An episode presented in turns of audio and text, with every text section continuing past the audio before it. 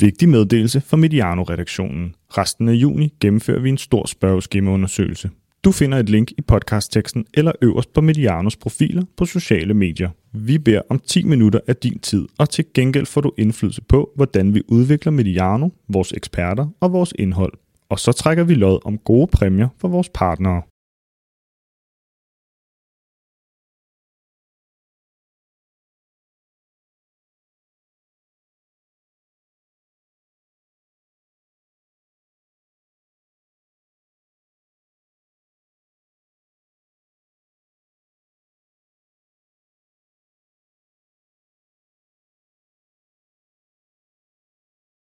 Velkommen til Superliga for Voksne, afsnit nummer 50. Velkommen til sidste afsnit i denne sæson. Det skal handle om meget mere end Superligaen. Vi laver i dag det, vi kalder de voksne store sundhedstjek af fodbolden anno 2022.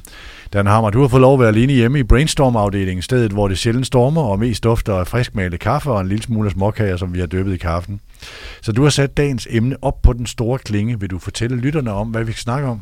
Jamen, jeg ser nogle, øh, nogle stærke, men, men til dels modsatrettede bevægelser i fodbold i dag. Og øh, det er jo sådan, at hvis man hiver i hver sin ende af en genstand, så øh, risikerer den jo at gå i stykker. Det er kryptisk. Det er kryptisk. Man kunne også, jeg kunne også øh, sådan gå lidt dybere i det og sige, en af de mest markante modsatrettede bevægelser, øh, det er den øgede popularitet.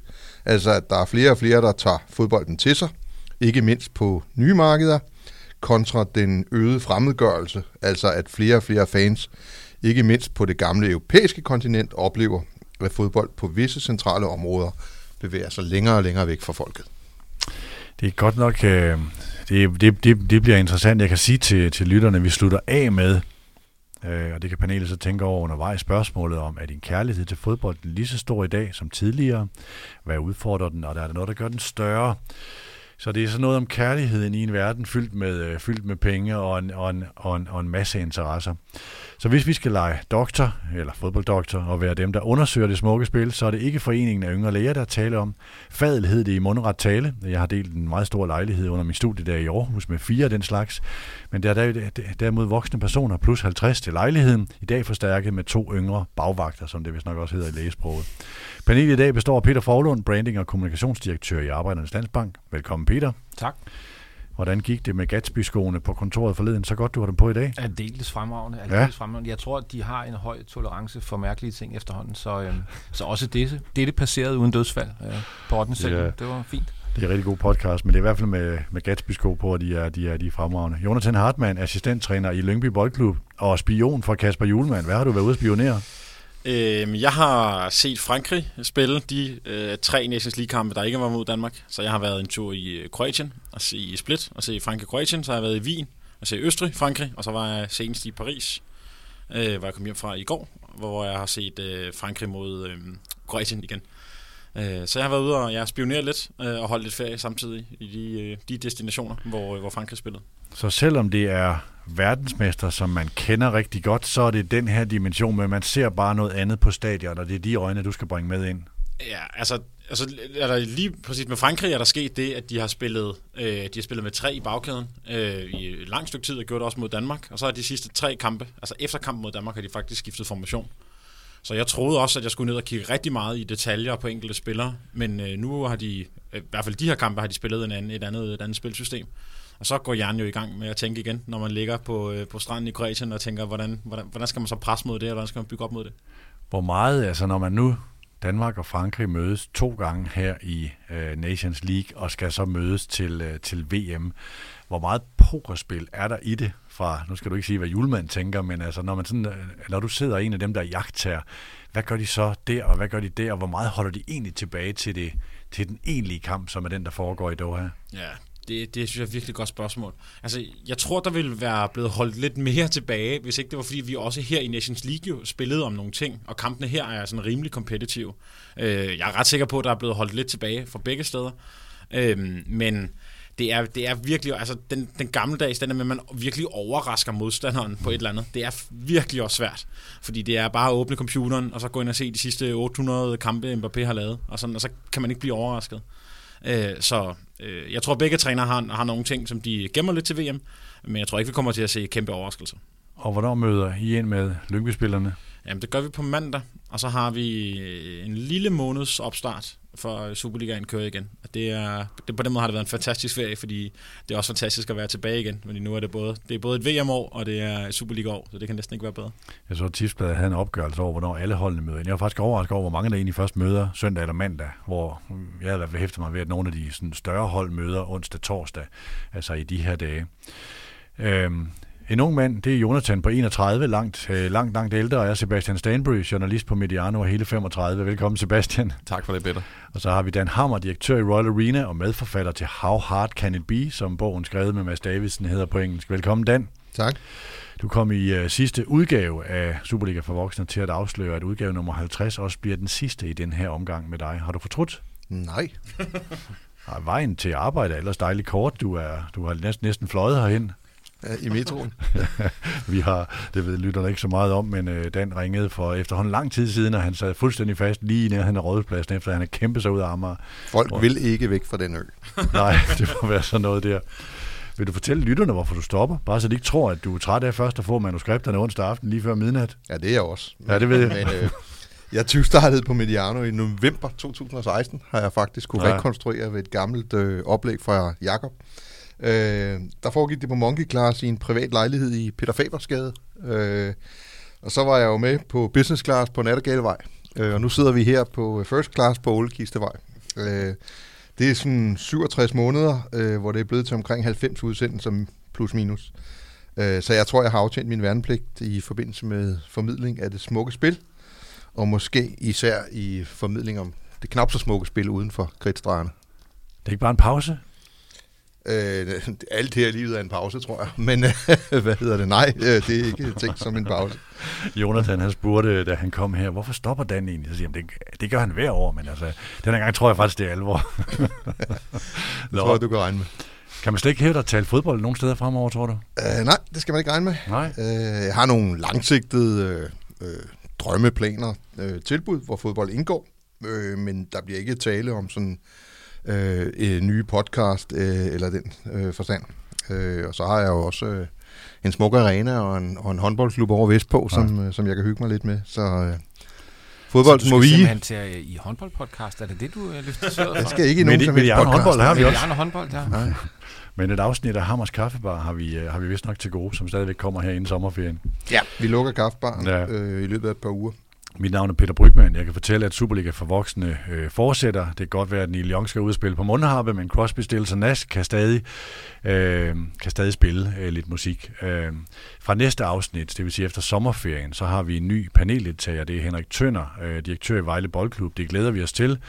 Og måske sker der lidt mere. Tønder er jo kun 48, så konceptet er for længst kørt i grøften, men han kan vel lære det undervejs, hvis vi kan holde på ham længe nok. Superliga for voksne er præsenteret af Peter Larsen Kaffe, kaffe til danske krus og kopper siden 1902. Det er 120 år. Først en runde, hvor vi sætter alt det her lidt på spidsen. Hvad er det bedste, Peter, ved fodbolden i 2022? Jamen altså, jeg synes jo, egentlig sådan ret simpelt, så øh, efter corona har man jo kunnet se, at rigtig mange øh, gerne vil samles og, og underholdes. Så man kan sige, at det bedste ved fodbolden, hvis man tager, skralder alt muligt øh, udenom, og alle mærkelige dagsordner, der måtte være, som vi helt sikkert kommer ind på væk, så er det jo, at, øh, at, øh, at det stadig kan begejstre og underholde, øh, uanset hvad. Og det, det synes jeg er en øh, enorm styrke, fordi Altså, vi, vi kommer jo sikkert til at diskutere en masse ting nu her, som øh, måske øh, sætter fodbolden i et lidt, øh, lidt kedeligt lys, men øh, man skal så bare huske, at øh, altså bag det, så er der heldigvis stadig øh, plads til begejstring, og jeg vil stadig sige bare som et eksempel, at der kan sidde 36.000 øh, mennesker i parken på en mandag og se en, en halvkedelig, øh, eller det blev det ikke, men øh, et par halvkedelige trætte hold øh, spille mod hinanden, Danmark og Østrig. Det siger lidt om, at, at folk virkelig gerne vil. Så, så jeg synes, at glæden og begejstringen ved, ved spillet, når man er til stede og ser det, den, den, virker, den virker stærkere end nogensinde. Så fodbolden kan det samme?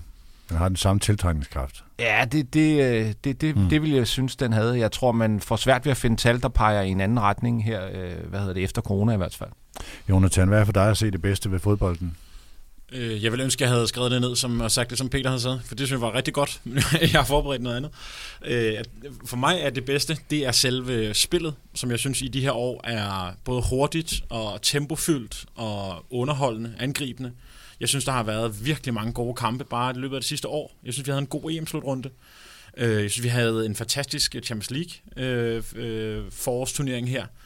Så på den måde synes jeg faktisk, det, det jeg kommer til at tænke på, det er det bedste ved fodbold, det er fodboldspillet. er virkelig godt i øjeblikket, synes jeg, over en bred kamp. Ser du nogensinde historiske kampe for at se, hvad der egentlig skete i spillets udvikling? Sådan hele kampe. øh, ja, jeg så under corona, så jeg de, Danmarks øh, landskampe der, som kørte på... For 30 på år siden, ja, ja, ja, under EM. Ja, det, det, det er jo virkelig sjovt at se, apropos tempo og måder at dække op på, og de rum, der er på banen. Altså, der, det, er jo, det, er jo, det er jo nærmest en anden sportsgren. Og bare tilbage i, i 98 eller et eller andet. Det er jo nærmest en anden sportsgren 20 år senere, 25 år senere. Tilbagelægningerne, ikke? Tilbagelæggninger. Det er dem, der virkelig er markante. Ja, hvad hæfter du ellers ved i sådan en... Det er altid altså, sjovt at lave det der nedslag, hvor du, hvor du pludselig dykker ned i en tidslomme, og så konstatere nogle ting, som du måske ikke tænker på, når man ser, ja, selvfølgelig er spillet blevet hurtigere, selvfølgelig er man blevet mere atletisk, selvfølgelig analyserer man bedre, man træner på en anden måde, men hvad hæfter du ellers ved? Mm, altså i forhold til selve spillet? For, det? Ja, ja, så udviklingen. Ja, øh, så, så hæfter jeg mig særligt, synes jeg, ved... Øh, ved presspillet og ved det defensive. Og det, når jeg kommer i tanke på, når du spørger til de der de, de gamle landskampe, og bare så den der Brasilien-Danmark-kamp, ikke? og så i den ene ende, der ligger øh, Michael Laudrup, og i den anden ende, der ligger Thomas Hellevi, og så er der bare 50 meter ind midt på banen. At den, den måde, som vi nu presser på og løber på, øh, i det defensive arbejde. Jeg synes, den er så markant anderledes, og det har gjort rigtig meget også for det offensive spil, som jo så dermed er blevet tvunget til at spille endnu hurtigere, og derfor tror jeg også, man har set en udvikling i pasningsfodbolden, som, som er blevet så markant, og hvor man måske er gået væk fra nogle andre spillertyper.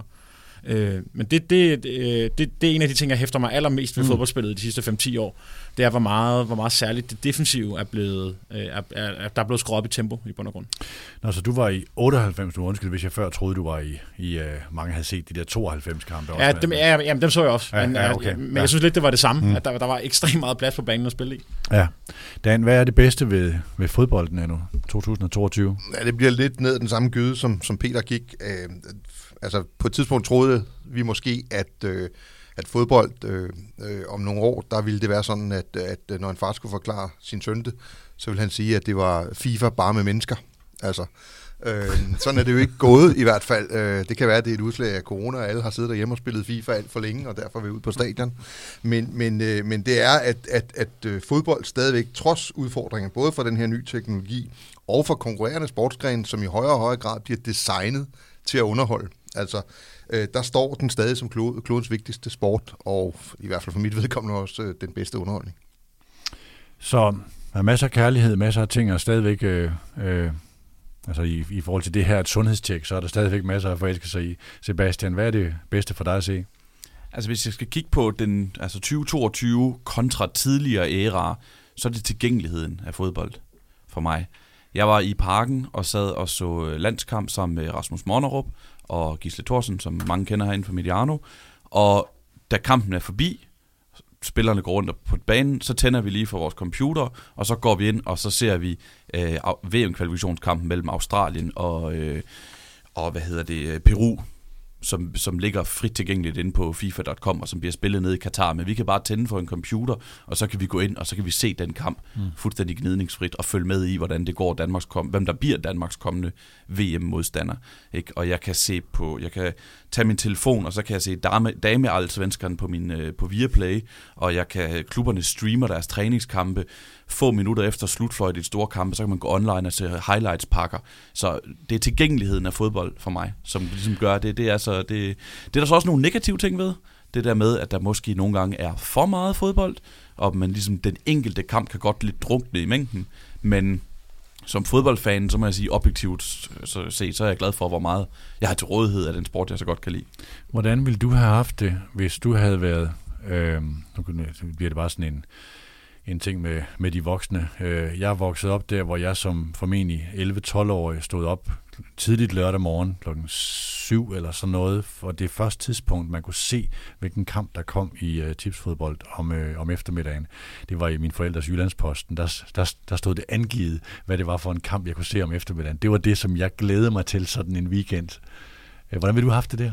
Jamen, jeg, jeg kan jo godt huske det. Altså, selvom jeg ikke har helt samme alder som, som nogle af de andre øh, her ved bord omkring bordet, så har jeg jo også prøvet det der med, at der var tipskampen lørdag eftermiddag. Det var det, der var af engelsk fodbold. og så var der noget Serie A om, om søndagen. Jeg ved ikke, hvordan man så Bundesliga. Jeg kan ikke huske, at vi kunne se det hjemme og var i hvert fald Superliga. Det var, Det var noget, var aktuelle sportsshow om aftenen. Ja, aften eller sådan præcis. Superliga var noget, indtil TVS kom, så, så var det noget, der var øh, noget højdepunkterprogrammer fra, nogle korte højdepunkter fra søndag aften og sådan noget. Så jeg kan jo også huske, hvordan det rent faktisk har været, det der med, at jeg, altså som, som en, en 9-10-årig fodbold, fodboldgal dreng, så kan jeg nogensinde få den der fuldstændig ubændige trang til at se fodbold, men der var ikke noget at se. Og nu, kunne jeg, endda- altså nu kan jeg bare gå på YouTube, og så kan jeg se alle målene fra øh, VM nu 1986, hvis det er det, jeg har lyst til. Men det kunne jeg bare ikke dengang. Så, så det var jo det var da hårdt nogle gange, men det var måske også med, altså fravær også for øh, ilden til at blusse op, er det ikke det, man siger? Ikke? Ja. Så det var også med til ligesom at skabe en kærlighed til det, det fodbold, der så var. Det er meget sjovt, at du af alle mennesker siger det, fordi du er en af dem, der kommer mest på stadion af dem, jeg kender. Altså er den, der også søger øh, altså den, øh, den reelle, analoge oplevelse øh, på, øh, på stadion. Nu er indgangen til den her udsendelse var jo, eller er jo sådan øh, et øh, kritisk eftersyn og det her sundhedstjek. Der i ligger også, at der er nogle elementer i fodbolden, som som man skal være opmærksom på, som er syge, eller, eller, eller det, der er værre. Hvis vi lige prøver først kigger på sådan den, den store industridiagnose. Der er flere fans, øh, der bliver tilskuerrekorder i Superligaen, der er øh, en større lyst til at rejse ud og opleve stadions fysisk i den der oplevelsesindustri, som fodbolden er. Øh, TV-rettighederne er noget af det dyreste. Det driver nærmest hele underholdningsindustrien. Øh, er det ikke markedet, der taler om, at det går godt? Eller hvad? Jo, det synes jeg. Altså, det, det, det, det kan du godt sige, Peter, men, men det, som, det, som jeg synes, der skal med i det billede, det er, at øh, altså, global fodbold er jo, er jo fuldstændig øh, uden sidestykke noget af det, der kan skabe allermest volumen i form af, af folk, der interesserer sig for det. Og øh, det gør jo også, at, øh, at rigtig mange kigger sulten på fodbolden og siger, hvad kan vi bruge den til i forhold til den dagsorden, øh, eller produkt, eller noget andet, man selv har. Og der synes jeg, en af de ting, som, som er rigtig, rigtig usundt ved fodbolden, det er, at indtil videre har den valgt sporten ikke at tage stilling øh, og, og, og bringe sig selv i en position, hvor man siger, okay, det her vil vi gerne være en eksponent for, eller det her vil vi ikke være en eksponent for. Og det synes jeg er en ret farlig øh, udvikling øh, og en ret farlig øh, holdning at indtage, når man, når man har så stor volumen og dermed så stor impact på, hvad, hvad, hvad mange mennesker øh, bruger deres penge på og, og så videre.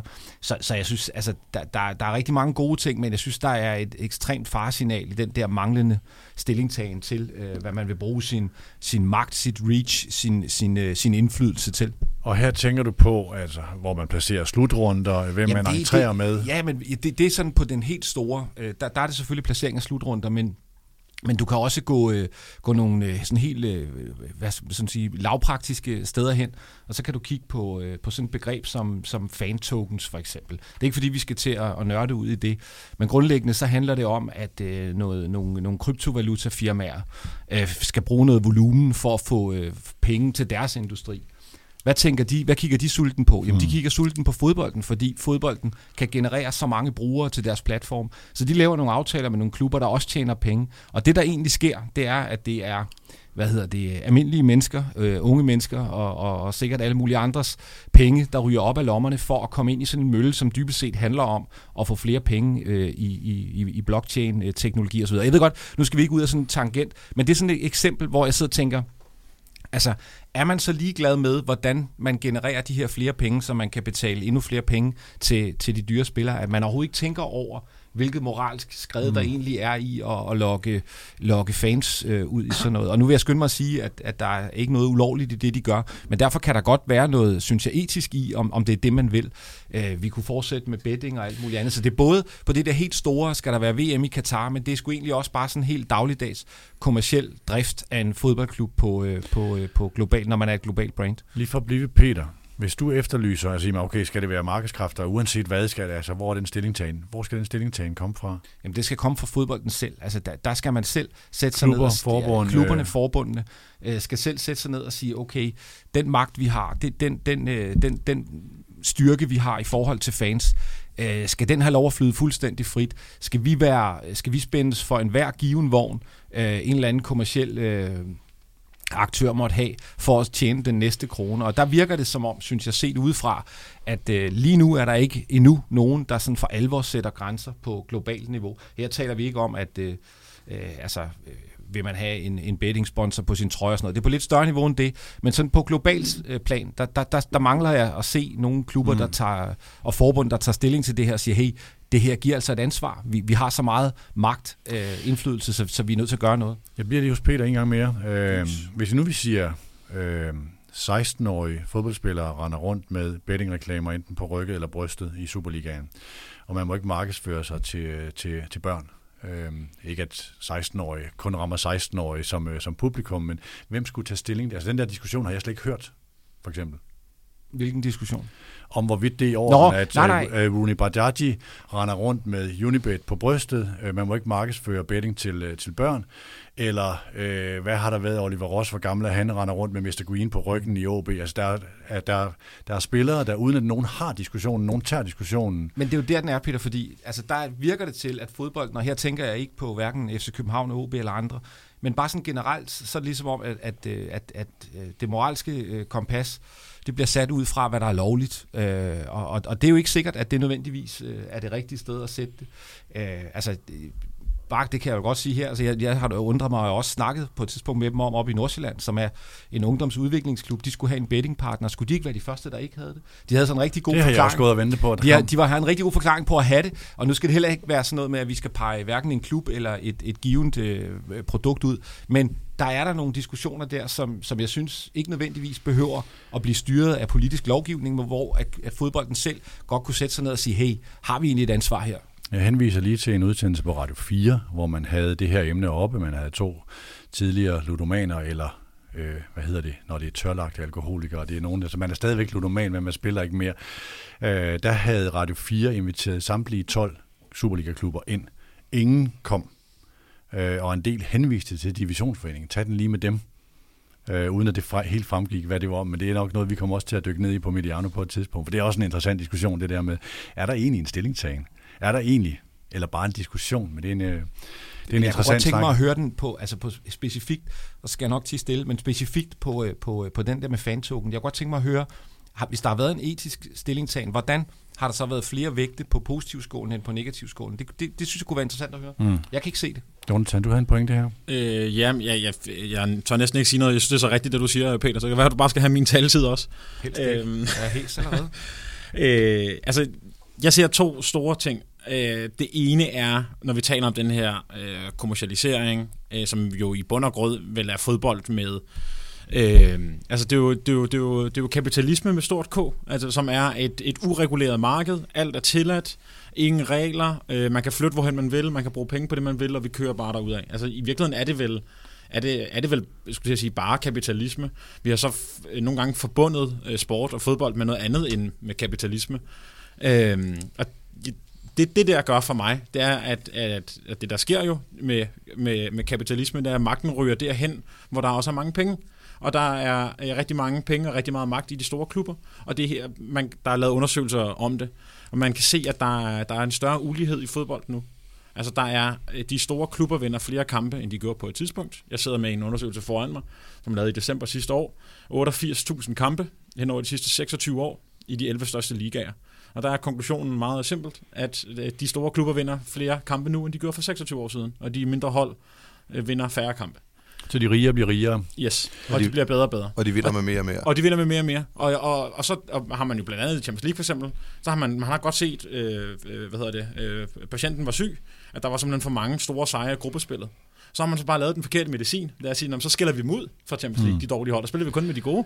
Og at sige, der er noget i gang her, hvor, hvor det, der er hele grundessensen af fodbold for mig, eller af sport i det hele taget, det er, at der er jævnbyrdighed, og der er uforudsigelighed. Hvis ikke man har jævnbyrdighed, og hvis ikke man har uforudsigelighed, så er det jo bare wrestling, vi ser på. Altså, så er det bare, så ved vi godt, hvad der sker, så ved vi mm. godt, hvem der vinder. Hvis ikke vi har jævnbyrdighed og uforudsigelighed, så jeg synes jeg ikke, det er en sportsgren. Og der kunne jeg godt tænke mig, at vi tog noget af, af uligheden øh, ud af fodbold igen. Men Jonathan, det der med kapitalismen og øh, industrien, det er vel også godt derhen, at øh, I i Lyngby kan øh, bygge et akademi op, hvor du selv har været med til at være fuldtids, eller øh, først deltidsansat, og så senere fuldtidsansat. Man, man skal have flere og flere øh, dygtige folk uddannet til at, til at dyrke hele den der industri op. Øh, så altså, hvad skal man sige, industrialisering, professionalisering, kommercialiseringen af den er vel godt, Det er vel mere måden, man gør det på. Jeg synes, det er godt til en, til en grænse. Altså, øh, der må gerne komme flere penge i fodbold. Det er ikke det. Der må gerne være kapitalisme i fodbold. Men jeg synes, der er en grænse. Og for mig er grænsen, at, at de store klubber har så mange penge. At nu, jeg tror, jeg synes, jeg læste en anden dag, at nu har de Premier League, altså øh, klubberne i Premier League, de får, selv det dårligste hold i Premier League, får flere tv-penge end alle andre klubber i hele verden, udover Real Madrid og Barcelona. Altså det vil sige, de 22 klubber, der får mest i tv-penge, det er de 20 klubber fra Premier League, og så Real Madrid og Barcelona. Det vil sige, der er simpelthen der er nogle, der er nogle bevægelser i gang i fodbolden, som, som, som gør, at vi i endnu højere grad kommer til at se nogle få hold vinde rigtig mange titler. De sidste 10 år i Tyskland og øh, Frankrig og i Italien, der er der et hold, der har vundet mindst syv titler. Det er altså meget. 7 ud af 10 i de, i de tre mm. store ligaer. I, I Premier League, der er det Manchester City, der har vundet 4 ud af 5, så det er blevet nummer to engang. I Spanien, der har de sidste 20 år, der er Atletico Madrid vundet to gange. Ellers har Real Madrid og Barcelona delt det hele mellem sig. Altså, og hvis, og, og hvis, det, hvis det bliver værre, altså hvis det bliver forstærket ja, ja. endnu mere, så ender vi med, at det, at det er endnu færre hold, vi ser i de sidste kampe i Champions League, eller det er kun de samme hold, der vinder Premier League. Og jeg synes virkelig, fodbolden lever af, at der er en historie som Leicester hver 20. år. Det skal ikke være hvert år, det bliver det heller ikke. Men, men jeg synes, fodbolden lever af, at vi, ikke, at vi ikke ved, hvem der vinder mesterskabet, når vi starter turneringen. Og, og problemet er, at det her kan fodbolden ikke rigtig gøre noget ved. Det har i hvert fald ikke lykkedes indtil nu. Fordi hvis der ligesom er nogle forbund, der siger, mm, kan vi modarbejde det her på en eller anden måde, så de, de klubber, eller de produkter, hvis man kan kalde det det, som er mest attraktive for forbundene, det er de største klubber. De brokker sig og siger, nej, det vil vi fandme ikke finde os i. I skal ikke tage noget som helst af vores magt, eller vores penge, eller vores sportslige styrke fra os. Og så bliver det modarbejdet, som du siger med Champions League. Mm. Øh, så tror de store klubber med at bryde ud, af super, øh, ud og lave en Super League, og så siger UEFA, det skal I ikke, og det må I ikke men vi laver lige Champions League om, så det minder en lille smule mere om jeres Super League, og så får I endnu mere magt og endnu flere penge, og endnu bedre deltagelse i, deltagelsesvilkår i Champions League. Ikke? Så fodbolden gør ikke noget ved det her, og jeg har det på samme måde som dig. Altså, Men tværtimod, jeg synes, de gør den værre jo. Ja, og for mig er ensformigheden fodbold, altså sådan subjektivt, det største problem med fodbolden i dag. Det er ensformigheden. Det er, at Bayern har vundet 10 år i træk mm. i Bundesligaen, og hvem er favorit til at vinde Bundesligaen næste sæson? Det er Bayern. Hvem er favorit til at vinde mesterskabet i Bundesligaen i 2028? Jamen, det kan jeg allerede sige nu. Det er bare en München. Ikke? Så, så det, det, fodbolden har, der har altid været nogen, der har været bedre end de andre. Selvfølgelig. Men både den økonomiske udvikling, men også den sportslige udvikling, hvor tingene bliver mere og mere professionelle. Når tingene bliver mere og mere professionelle, så betyder det også, at man udligner tilfældighederne. Og hvis man udligner tilfældighederne i sporten, så er det også større mm. chance for, at de rigeste vinder. Så det her, det er bare på vej ned ad en retning, hvor det bliver, som du siger, ikke sport, det bliver underholdning. Så er spørgsmålet, hvordan publikum reagerer på det, altså hvordan tilskuerne reagerer på det, for jeg tror også, der er rigtig mange, som er vokset op i, med fodbolden de seneste 15, 10, 5 år, som, øh, som får fodbold for underholdningsskyld. De vil gerne se de bedste lave de bedste detaljer. Og så kan det godt være, at der måske ikke er for mange, bortset fra i et panel her, med sådan nogle efterhånden gamle svende som os, der har en interesse i, at det bliver ændret. Sebastian er med i et format, der hedder Fodbold var bedre i 90'erne. Der har de sådan en Europacup-roulette, og bliver den drejet øh, hver, hver udsendelse til, hvad for et årstal man skal ned i næste gang. Noget af det sjove ved det der, det er faktisk at høre de der klubhistorier. Så kommer der en Ferencvaros, så kommer der en Benfica, så kommer der de der hold, som kommer op og har en fantastisk øh, periode, hvor de vinder og får den der storhed, som den klub baserer sig på de historier kommer der ikke ret meget mere, det er du fuldstændig ret i. Jamen det er jo nemlig det. Vi ved godt, hvem, jeg ved godt, hvem der er, sandsynligvis kommer til at være i semifinalen af Champions League i næste sæson. Mm. Det, det, det er nok PSG, Bayern, Liverpool City, måske nogle flere af de andre engelske, og så Real Madrid og måske Barcelona. Og så synes jeg, der er det ekstra twist i det her, som er, at øh, normalt i, i, i kapitalisme eller på et marked, så kæmper man jo om nogle ting, og der er noget økonomi, men der er nogle klubber, øh, City, Paris Saint-Germain, Newcastle, som ikke engang behøver at bekymre sig om, hvor mange penge de bruger på det her. Fordi de skal nok finde pengene eller få sponsoraftaler nogle andre steder mm. fra. Det vil sige, der, altså, der er et ekstra lag af, at, at det ikke engang er, det er ikke engang ureguleret. Altså, det er fuldstændig ureguleret, og man kan, og man kan hente og tage nogle penge nogle, nogle forskellige steder fra. Og når man bliver straffet med Financial Fair Play, så viser det sig, at der er så mange smuthuller i det Financial Fair Play-system, at Manchester City går fra ikke at hvad, hvad, det var, altså, de måtte ikke være med i Champions League i to sæsoner i træk, og så lige pludselig så skulle de bare lige holde pause i 14 dage, så må de være med igen. Mm-hmm, ja. Altså, det, det, det, det, det er simpelthen useriøst, det der financial fair play. Øh, så når, så når du siger, Sebastian, det der med, hvad skal vi gøre, så er der, der, der er jo et, et meget øh, oplagt område her, at sige, der må vi sagt med stramme op. Dan, det her er jo egentlig en runde, hvor vi skal komme ind på, at jamen, altså, som, som industri er den jo i forhold til evnen til at generere øh, volumen, sund Eller hvad siger du her? Ja, altså, jeg, jeg, har jo sådan, jeg sad sådan lidt stille og hørt på, på, på indlæggene for de tre herrer, fordi at, øh, at det er jo sådan lidt, I siger, at, øh, at øh, Jeppe drikker, men I bruger ikke ret meget energi på at tænke over, hvorfor Jeppe drikker. Altså, øh, nu skal man nok øh, have læst Holberg i folkeskolen eller gymnasiet for at forstå forskellen.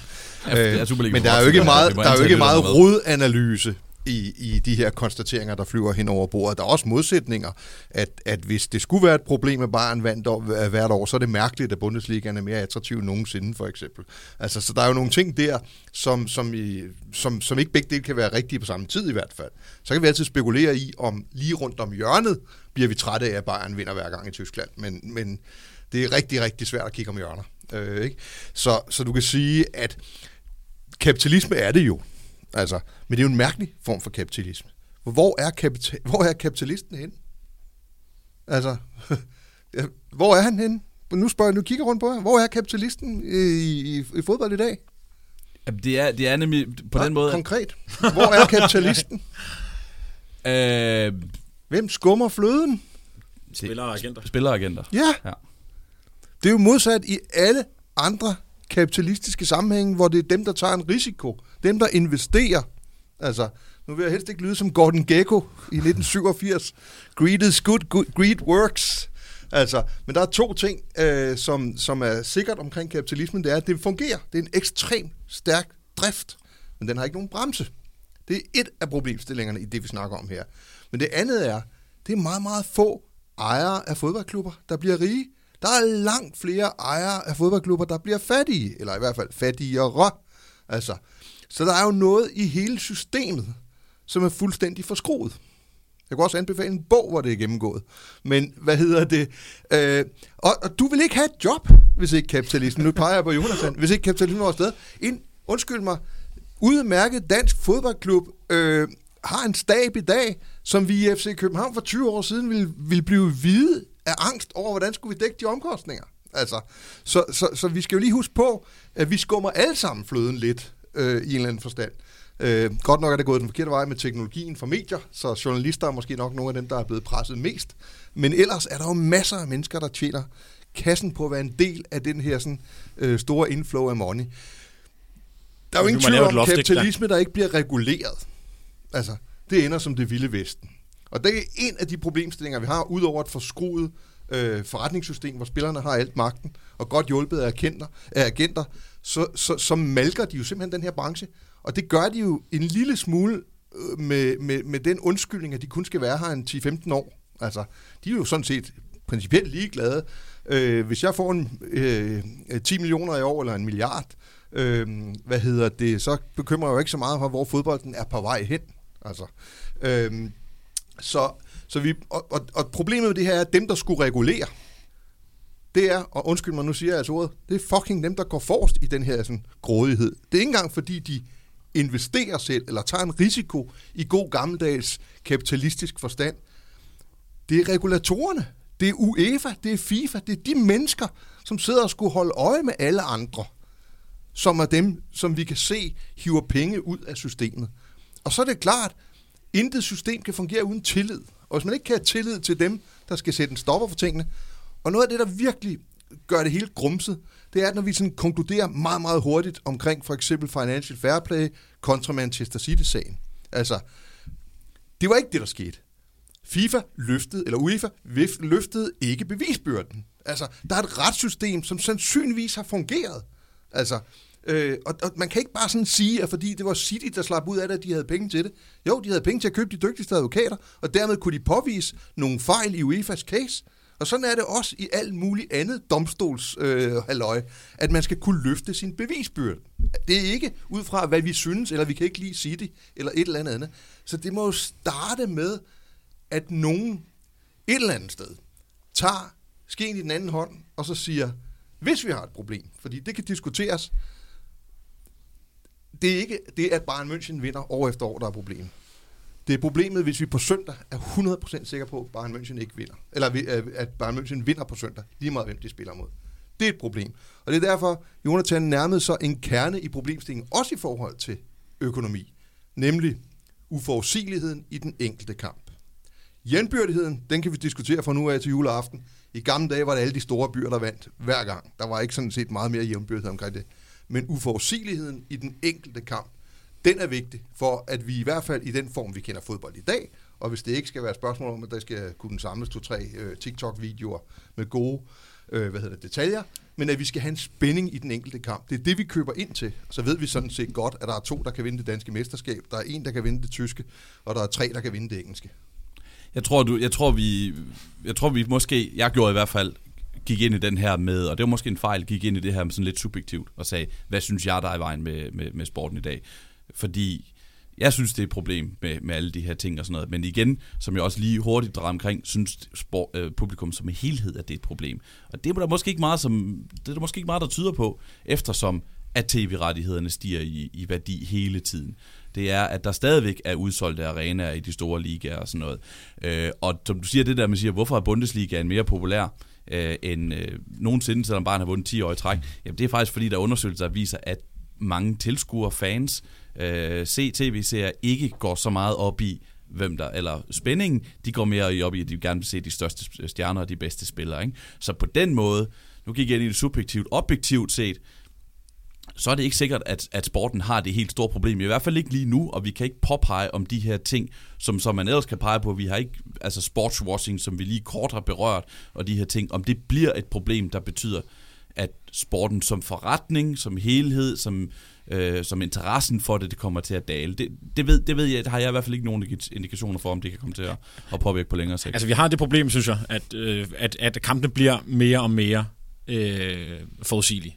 Og vi ved i højere og højere grad, hvem der vinder mesterskaberne, og der er, færre, og der er længere og længere mellem overraskelserne. Altså det er, det er dokumenteret, og, og for mig er det et problem. Jeg er enig altså, med dig. Men, man... men, men hvis, ikke, hvis, ikke, hvis, ikke folk, hvis ikke det som helhed gør, at folk trækker sig væk fra sporten, så er spørgsmålet, hvad det, hvad det betyder, at vi fem personer her, der sidder ja. om, omkring bordet, synes, det er, det er et problem. Ja. Så hvis, indtil vi kommer dertil, hvor det at Manchester City's 20 mesterskaber i træk, øh, nej, Manchester City, Newcastle, Manchester City, Newcastle, Manchester City, Newcastle, som det kommer til at køre, øh, betyder, at der kommer halvfyldte arenaer i Premier League, og tilskuer, øh, tv-rettighederne daler i niveau. Jamen så er spørgsmålet, om det er et objektivt problem, hvis man kan tale om den slags. Nu er det svært at diskutere, øh, hvad der kommer til at ske, for det, det ved vi ikke, og det, det, må vi jo, det må vi jo øh, på en eller anden øh, måde jo vente og se. Men altså, hvis man tager et aller, aller største kapitalistiske højborg, det er USA. Og det er mange år siden, og i øvrigt, bare lige for at starte der, der er rigtig mange gange, når man diskuterer amerikansk sport, som det, det er alt for kommercielt, og øh, man kan jo ikke tage et hjørnespark, uden at, at der, der er skrevet en sponsor på det og sådan noget. Og det er alt sammen meget fint. Men hver eneste år, så mødes samtlige ejere i de fire største sport, sportsgrene med et formål. Det er at sikre, at hele den model, de har, den sikrer, at alle hold i princippet, når sæsonen starter, kan kvalificere sig til playoffs. For de har nemlig for længst konkluderet, at skal du have seertallene til at blive ved med at stige, skal du have sæsonkort, øh, hvad hedder det, solgt lige meget på, eller i hvert fald øh, på højt niveau eller stigende niveau, jamen så er du simpelthen nødt til at have en eller anden form for, for spænding. Så alle regler omkring deres fire store sportsgrene, øh, som ikke kan blive mere kommersielle, jamen de er faktisk styret derhen, at det handler om at skabe en eller anden form for jævnbyrdighed, sådan så at når New England Patriots har vundet en to-tre år i træk, jamen så kan de ikke mere, fordi lønloftet har gjort, at de ikke kan øh, genkøbe alle deres spillere og alt det her. Det kan man gøre i en privat liga, det vil vi aldrig kunne gøre i europæisk fodbold, og den er fuldstændig med på. Men det er bare for at sige, det der med, at, at altså, at spekulere i, at forudsigelighed dyrt for vores produkt i længden. Altså det har man gjort på det mest kapitalistiske øh, marked overhovedet, nemlig det amerikanske, og for længst indset. Man er nødt til at styre nogle ting. Så det tror jeg også vil være en lære her på et tidspunkt, at vi bliver simpelthen nødt til øh, på et eller andet tidspunkt at, at lave nogle regler for, øh, hvordan sikrer vi, at der, at der kommer noget spænding. Ellers så tror jeg, at noget af den øh, udvikling, man, øh, man ser, som er positiv nu, øh, den vil stoppe. Men igen, det er gætværk, men jeg siger bare, det allerstørste marked for sport, de har været igennem den her og valgt en løsning, der hedder mere regulering. Det tror jeg ikke er tilfældigt. Nej, det er ikke tilfældigt. Øh, der er nogle forudsætninger, der skal være på plads. For eksempel, at det er klubberne, og dermed dem, der ejer klubberne, der ejer turneringen. Mm. At der ikke kan rykkes op og ned øh, hvad hedder det, så, ha, så handler resten jo om at sørge for, at der ikke er nogen andre, der også begynder at spille amerikansk fodbold på et vist niveau. Mm. Altså, øh, og, og det er nok øh, illusorisk at tro, at man i, øh, i, i en verden, der består af mange nationer, øh, og med 150 års fodboldhistorik, med oprykninger og nedrykninger og den slags ting, at man lige kan finde ud af det i morgen. Der var jo et enkelt tiltag, der mindede lidt om det. nemlig Super League. Altså, det jo, det er jo skabt i det billede, det amerikanske billede. Så, så, så det er nok ikke det, der kommer til at ske lige rundt omkring hjørnet. Lidt tilbage til, hvordan fodbolden har det som sådan. Jeg tror, at jeg tror, vi alle sammen kan blive enige om, at vi kan få øje på en tumor eller to, eller tre, eller fire. Det vi ikke ved endnu, det er, om de er ondartet eller godartet. Altså, det tror jeg, hvis man sådan holder det sygdomsbillede for sig, øh, og når man opdager en tumor, så skærer man den væk, uanset om den er godartet eller underartet. Øh, hvad hedder det? Og det er nok lidt vanskeligere med nogle af de problemstillinger, vi står med øh, for fodboldens vegne i hvert fald. Øh, det der med at kigge mod USA, altså det, det tror jeg virkelig bliver rigtig, rigtig svært. Men der er ingen tvivl om, at det er tre eller fire reguleringer. Det ligger bare så langt historisk for det, vi øh, kan og må Der i prøv lige at Europa. konkretisere de der... Lønloft. Du har allerede punkteret Jamen, altså, halvdelen øh, af, øh, af forretningssystemets tænker jeg skævhed. på. Med hvad? Altså tumorerne. Hvad er det for nogle? tumorerne, altså vi har jo været inde på dem. Øh, grådigheden øh, i den her underlige kapitalisme, hvor pengene ender øh, hos, øh, hos aktørerne. Altså, og det bliver jo langt hen ad vejen opfattet som noget positivt. Altså, det, det, er jo sådan, det ville jo være meget værre, hvis der sad sådan en grossist for enden der og blev milliardær. Øh, Der er lige Glazer og et par andre, der har, der har fundet et par modeller. Øh, men resten, de, de betaler jo for, at spillerne kan blive hovedrige. Altså, øh, det er... I hvert fald kommer sportswashing ofte op. Det er en diskussion, jeg godt kunne tænke mig at tage lidt mere i dybden, fordi der er nogle af de her sådan ting, som, som får et, positiv, eller et, et, et fortavn, der er enten positivt eller negativt. Øh, og så diskuterer vi det sådan set ikke længere, om det er positivt eller negativt. Så har vi det bare som udgangspunkt, at det er negativt. Og hvis jeg lige skal bare gå kort ned ad den vej omkring sportswashing, nu vil sige, hovedargumentet er, selvfølgelig virker det, ellers ville de ikke gøre det. Altså, jeg har set, jeg har set rigtig mange stater øh, og alt muligt andet gøre ting, øh, som ikke virker, øh, men bliver ved med det alligevel. Jeg tror ikke, det hjalp øh, en, en, en vis tysker nede sydpå at øh, bruge OL i 36 til at bevise, at nogle raser var, eller en race var, var, var bedre end andre raser. Der var en Jesse Owens, der fik punkteret det. Jeg tror ikke, at Katar fremstår øh, på nogen som helst måde som et ønskeland øh, i meget, meget store dele af verden øh, på grund af det her sådan VM. Men det er en lidt anden diskussion. Det er der. Den findes der. Vi får kvalme af det, af det her VM øh, til, til, til december. Øh, så det er en af dem. Øh, grådigheden var en anden af dem. Diskussionen omkring, hvor længe kan det bære med en øget uforudsigelighed, i hvert fald i den enkelte kamp. Øh, den vil jeg også godt gå med på. Eller øget forudsigelighed. Øget, øget ulighed. Altså, ja, ja. At den, øh, ja, uligheden er jeg ikke så sikker på er et problem, fordi den tror jeg så til gengæld øh, øh, tapper ind i den der med, at store klubber, der vinder, ofte bliver store brands, som vi bliver mere interesseret i. Vi kan jo, vi kan jo bare, altså selv Sepp, tror jeg, vil stadigvæk foretrække at tænde for Bayern mod Manchester United, øh, på trods af, at han godt ved, det var dem, der var i kvartfinalen, øh, nu United, der er rigtig dårligt eksempel, sig det. altså, hvad hedder det, øh, øh, end, vi vil, end vi vil tænde for, øh, hvad hedder det, øh, et eller andet fra, fra Kroatien mod et eller andet fra, øh, øh, ja, et andet sted, Østrig eller sådan noget øh, for, for uforudsigelighedens skyld, i hvert fald anden eller tredje gang, så tror jeg, at, at det vil blive mindre interessant. Det viser sig, at tallene jo mm. også, med al respekt, at, at vi hader jo de der sådan, gruppespilskampe, hvor, hvor, hvor, hvor uh, City rundbarberer et eller andet hold fra en mellemeuropæisk uh, land. Ikke? Altså, uh, vi gider jo ikke se dem. Altså, så, så vi priser uh, uforudsigeligheden, men vi handler på en lidt anden måde, når vi tænder for, for computeren, eller hvordan vi nu ser de her sådan, fodboldkampe. Uh, så, så hvis vi skal til bunds i det her, så er det jo lidt et spørgsmål om at diskutere, har fodbolden en iboende kraft til at øh, tage fat i en tumor, hvis den er underartet? Altså, øh, og det, det er, nok noget, der der, hvor jeg på. bliver mest bekymret, Ja. fordi at, Yes. at det kan jeg ikke rigtig se. Altså, og dermed ikke sagt, at det nødvendigvis er på vej et galt sted hen. Altså alle nøgletal peger jo på, at det bliver bedre og bedre. Så vi skal også passe på, ikke? Og så præcis som du siger, vi er de gamle kunder. Selv du er den gamle kunde, Jonathan, i forhold til en 19-årig i, øh, i Singapore. Altså, øh, så så, så det, er, det er rigtig, rigtig spændende. Men hvis vi tror på, og det indledte jeg jo også med at sige, at jeg troede, jeg føler lidt, at jeg, jeg ved ikke helt om min måske ældste ven, øh, uden for min familie øh, og skole, fodbold, om vi er ved at vokse lidt fra hinanden. Jeg, i hvert fald, jeg kan i hvert fald godt mærke på mig selv, at, at jeg behøver ikke at se ham hver dag længere. Altså, det, det kan jeg godt mærke. Og om det er det hele billede, eller om det er, fordi jeg ved, hvordan kampene går, eller hvordan det er, det ved jeg ikke. Men det kan ikke være godt. Kan du huske det?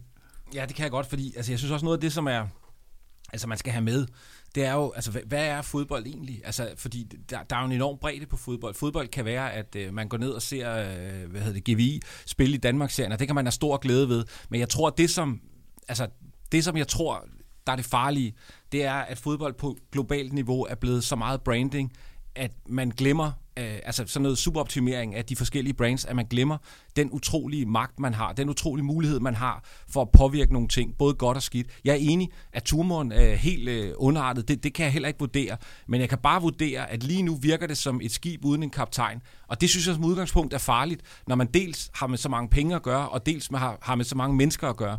Så, så der er noget, altså det, den skal helt sikkert diagnostiseres, den tumor, hvis vi skal blive i det sprog, mm. fordi det, jeg, jeg synes som udgangspunkt, at sejle uden øh, sådan en rigtig kaptajn, det er, man skal være heldig, hvis man lander et godt sted. Altså, hvis vi starter her, så synes jeg, den, den første, og, og en, jeg ved ikke om den er, det er jo ikke en nem ting, men den gode ting, det er det lønloft, som, som, øh, som Dan også taler om. Altså enten lønloft på, hvad kan man tilbyde af løn til en enkelt spiller, eller et lønloft på, hvad kan man tilbyde af løn til sin trup. Og det må så være forskelligt fra Premier League til Superligaen. Men det er en af mine, øh, det er en af mine våde fodbolddrømme. Det er, at, at der er nogen, der i, i UEFA vågner op og siger, okay, sådan her er lønloftet på de 53 øh, øverste rækker, der nu er. Øh, og så må, man, så må man spille efter de regler, og så i Danmark må man bruge, hvad fanden ved jeg, 100 millioner på sit fodboldhold, og det er ligesom bare max. På, og jeg, jeg er enig i, at det vil skabe en mere jævnbyrdig sport i hvert fald. Men nu, bare for at lade djævelens advokat, spørgsmålet er, hvad gør man så med resten af pengene? Fordi så er vi nemlig i en situation, hvor at der vil være nogle klubber, som lige præcis kan nå op på de der, lad os bare sige 100 millioner eller en milliard på et større, på et større øh, plan, og så er der nogen, som øh, tjener 3 milliarder kroner. Og så ryger de i lommene på der, hvor vi ikke synes, de skal ryge i lommene på, nemlig i klubejerne, så bare tjener en rigtig masse penge på det. Ja, eller, også bruger man den på nogle andre ting. Ja, det... så, så, så bruger man den på at bygge sine faciliteter, man bruger dem på at have trænere, man bruger dem på at lave noget for sin, for sin kvindeafdeling. Jeg synes, der er, jeg synes, der er mange gode muligheder, man, man kan bruge 2 milliarder på. Ja, man kan virkelig lave nogle gode baner i Superligaen for, for 2 milliarder, det er rigtigt. Men, men, det, men det er bare sådan, det, det er også der, vi ender, at at, synes jeg i hvert fald, det der med, hvad skal man så bruge resten på? Fordi det gode ved, som jeg tror også du siger, Dan, at pengene ryger i lommen på spillerne igen, og det er, at de går jo til klubberne, øh, hvis vi er sådan, hvis vi tager de, den socialistiske hat på, ikke? Øh, og så er spørgsmålet, om det overhovedet i praksis på nogen måde er muligt, øh, eller om der straks vil komme nogle af de rige klubber, der siger EU, EU-regler, EU-regler, EU-regler. Ja, og spillerne, som Dan også siger, spillerne er jo ekstremt magtfulde, øh, og gennem øh, øh diverse spillerforeninger rundt omkring, og det, jeg kunne godt forestille mig, at det er et forslag, der er virkelig svært at få igennem. Det har det i hvert fald været i Nordamerika, ikke? Hvor, hvor der ofte ender i deciderede strækker og yes. lockouts, når, når yes. de skal øh, Men det gør bare, som, som, som du var inde på, altså, øh, hvis man følger lidt med i NFL og kender, og, og kender Bengals, som var elendige for to-tre år siden, og nu var de i Super Bowl i år. Og det er bare, det, sådan er det jo ikke i fodbold. Det er heller ikke sikkert, at vi skal helt derhen, mm. men det kunne godt være, at vi kunne komme væk fra, at Bayern vandt 10 mesterskaber i træk. Men hvis der skal reguleres i markedet, hvad enten det er nogle større indgreb, eller det er bare en etisk stilling, bare, eller, eller det er en etisk stillingtagen til nogle ting, skal den så komme oppefra, eller skal den komme nedfra? Hvad er hvad? Ja. Nedfra er, øh, hvad skal man sige, en stillingtagen, helt lavpraktisk, den her med, hvor skal Superliga-klubbernes træningslejre gå hen. Det var jo ikke fordi, jeg tolkede, at Superliga-klubberne tog meget stilling oppefra. Det var fordi deres fans tog stilling, og så blev man nødt til at sige, vi, øh, vi skal også kunne se vores fans i øjnene, så vi, øh, vi drejer lidt på nogle ting her. Der har været den der, altså vi, vi har alle sammen set billederne fra Bayern Münchens generalforsamling, hvor, øh, hvor fans ytrer sig og, øh, og, og, og skaber en ny bevågenhed, som klubberne på en eller anden måde kommer til at navigere efter. Det, det er det, jeg mener med nedfra. Opfra er nogen, der siger, det her er vi nødt til at gøre noget ved. Øh, vi tager beslutninger, vi tager ansvar. Jeg tror, at det kommer ind på, hvilken tumor du ønsker at fjerne. Altså, øh, hvis vi lige bliver ved den der med økonomien, øh, og det hænger selvfølgelig alt sammen sammen med økonomi, fordi at hvis ikke det var fordi folk havde brug for pengene, så lå de nok også øh, de der sponsorater ligge på, øh, på bordet. Men hvis vi starter med økonomien, så tror jeg godt, jeg tør sige ret klart og tydeligt, at det får vi ikke løst. Vi får ikke dæmmet op for, øh, at sporten bliver mere og mere forudsigelig i den enkelte kamp, uden en eller anden form for lønloft. Altså, øh, og det er ikke, det, altså det, det, der, det er vejen derhen, der er svær. Det er ikke, når man er kommet derhen til. Fordi selvom Sebastian siger, at det tist ender med strejker i USA, så er det for det første ikke så tit, og for det andet, så er det beviset på, at systemet fungerer. Altså, det, det er en gang imellem, hvor man skal have lagt arm om, hvor skal niveauet ligge i forhold til at fordele de penge, der kommer ind i systemet. Vi kender det selv. Vi skal igennem nogle ret interessante overenskomstforhandlinger på det danske arbejdsmarked i 23, øh, og det priser vi jo som et, et udtryk for, at ting fungerer. Også når det kommer til strækker. Øh, så, så, så det siger jeg bare, hvis det, er det, hvis det er den del af det, vi godt vil adressere, så kan det jo kun komme ved, at nogen øh, baner vejen derhen. Det handler både om noget, der ligger uden for det sportspolitiske, nemlig i det andet politiske univers, for lige nu er der nogle regler øh, i EU for eksempel omkring øh, kapitalens fri bevægelighed, arbejdskraftens fri bevægelighed og den slags ting, hvor det ikke er øh, tilladt, eller i hvert fald er det kun tilladt, så længe at nogen anlægger en sag og får ret. Og det har der jo en fodboldspiller, der engang har gjort øh, omkring nogle ting, og det fik store konsekvenser for fodbolden dengang. Jeg taler om Bosman mm. selvfølgelig. Øh, men, men jeg er ret overbevist om, at vi skal derhen på en eller anden måde. Øh, hvordan det lønloft så skal skrues sammen, det bliver en rigtig spændende diskussion, fordi hvis lønloftet er 100 millioner i Superligaen, og 3 milliarder i Premier League, ja, så har vi jo kun rettet øh, problemstillingen et sted, men ikke i den internationale konkurrence. Så det bliver rigtig, rigtig svært. Øh, men vi kommer ikke til at gøre op med designfejlen i forretningssystemet i fodbold, medmindre vi indfører en eller anden form for en bremse på, hvor hurtigt lønningerne de kan løbe. Mm. Altså, hvis man skal forsvare klubberne lidt i det her, øh, som vi også, øh, lidt det du også er inde på, Peter, med nogle af de etiske beslutninger, så er det jo netop også, at altså, det handler om at generere så mange penge, som man overhovedet kan, for at kunne øh, honorere nogle af de krav, som, som spillere og agenter og andre sætter til, til, hvad de skal have i løn. Og ved at, at få noget regulering, så åbner man jo også for, at nogle af de beslutninger måske bliver lidt lettere. Så jeg tror, altså, når du spørger, om det kommer op fra og nedefra, så tror jeg helt klart, at øh, altså, de store bolde, øh, det er der ikke noget, der hedder. De store sten skal flyttes. Jeg skulle til at sige, skulle serves. Hvad fanden, hvem server store bolde, ikke? Nå, men anyway, de store sten skal flyttes op fra. Øh, så bliver det nemmere øh, for fans og klubber at blive enige om resten. Altså, jeg, jeg er ret sikker på, at man er simpelthen nødt til at skabe et eller andet system, der gør, at flere penge ikke nødvendigvis bliver større succes. Og jeg ved godt, det vil det altid gøre på et eller andet niveau, men lige nu er det meget direkte, øh, hvad hedder det, og meget sådan, øh, proportionelt, og det, det skal på en eller anden måde øh, reguleres, for at man kan komme øh, de mindre sten, øh, hvad hedder det, få fjernet dem også, øh, gerne i dialog med fans og andre. Så taler Dan om i, øh, i oplægget øh, øh, det her med øh, altså woke-lignende bevægelser. Øh, først og fremmest vil det sige, at du har forstået ordet woke. Ja, det er jeg ikke sikker på, jeg har. Nå. Men, men det her med, at... Prøv. Øh, jeg vil at, gerne vide det. At, øh, altså, den gode, det gode udtryk er vel, at vi skal være gode mod hinanden. Altså, vi skal have plads til alle, øh, og at man skal være forsigtig øh, med... Øh, også bevidst eller ubevidst, hvordan man sover, eller, eller diskriminerer, eller udnytter sine privilegier, øh, eller hvordan det måtte være. Så det er nok mere som sådan en paraplybetegnelse for en bevægelse i samfundet hen imod, at vi forventer mere af organisationer, hvis jeg nu skal sige det på den måde. Altså forsamlinger af mennesker, nogle gange i et AS, nogle gange i et IF, øh, eller boldklub, eller hvad det ellers måtte være. Og der tror jeg, at fodbolden er særligt udsat, fordi relationen imellem fodboldens kunder, altså fans, øh, og øh, eksempelvis klubberne, er tættere. Der ligger flere følelser i de relationer, end der trods alt gør i mit forhold til Arla. Altså, er det en, øh, hvad er det en, det? Er det en moralisme?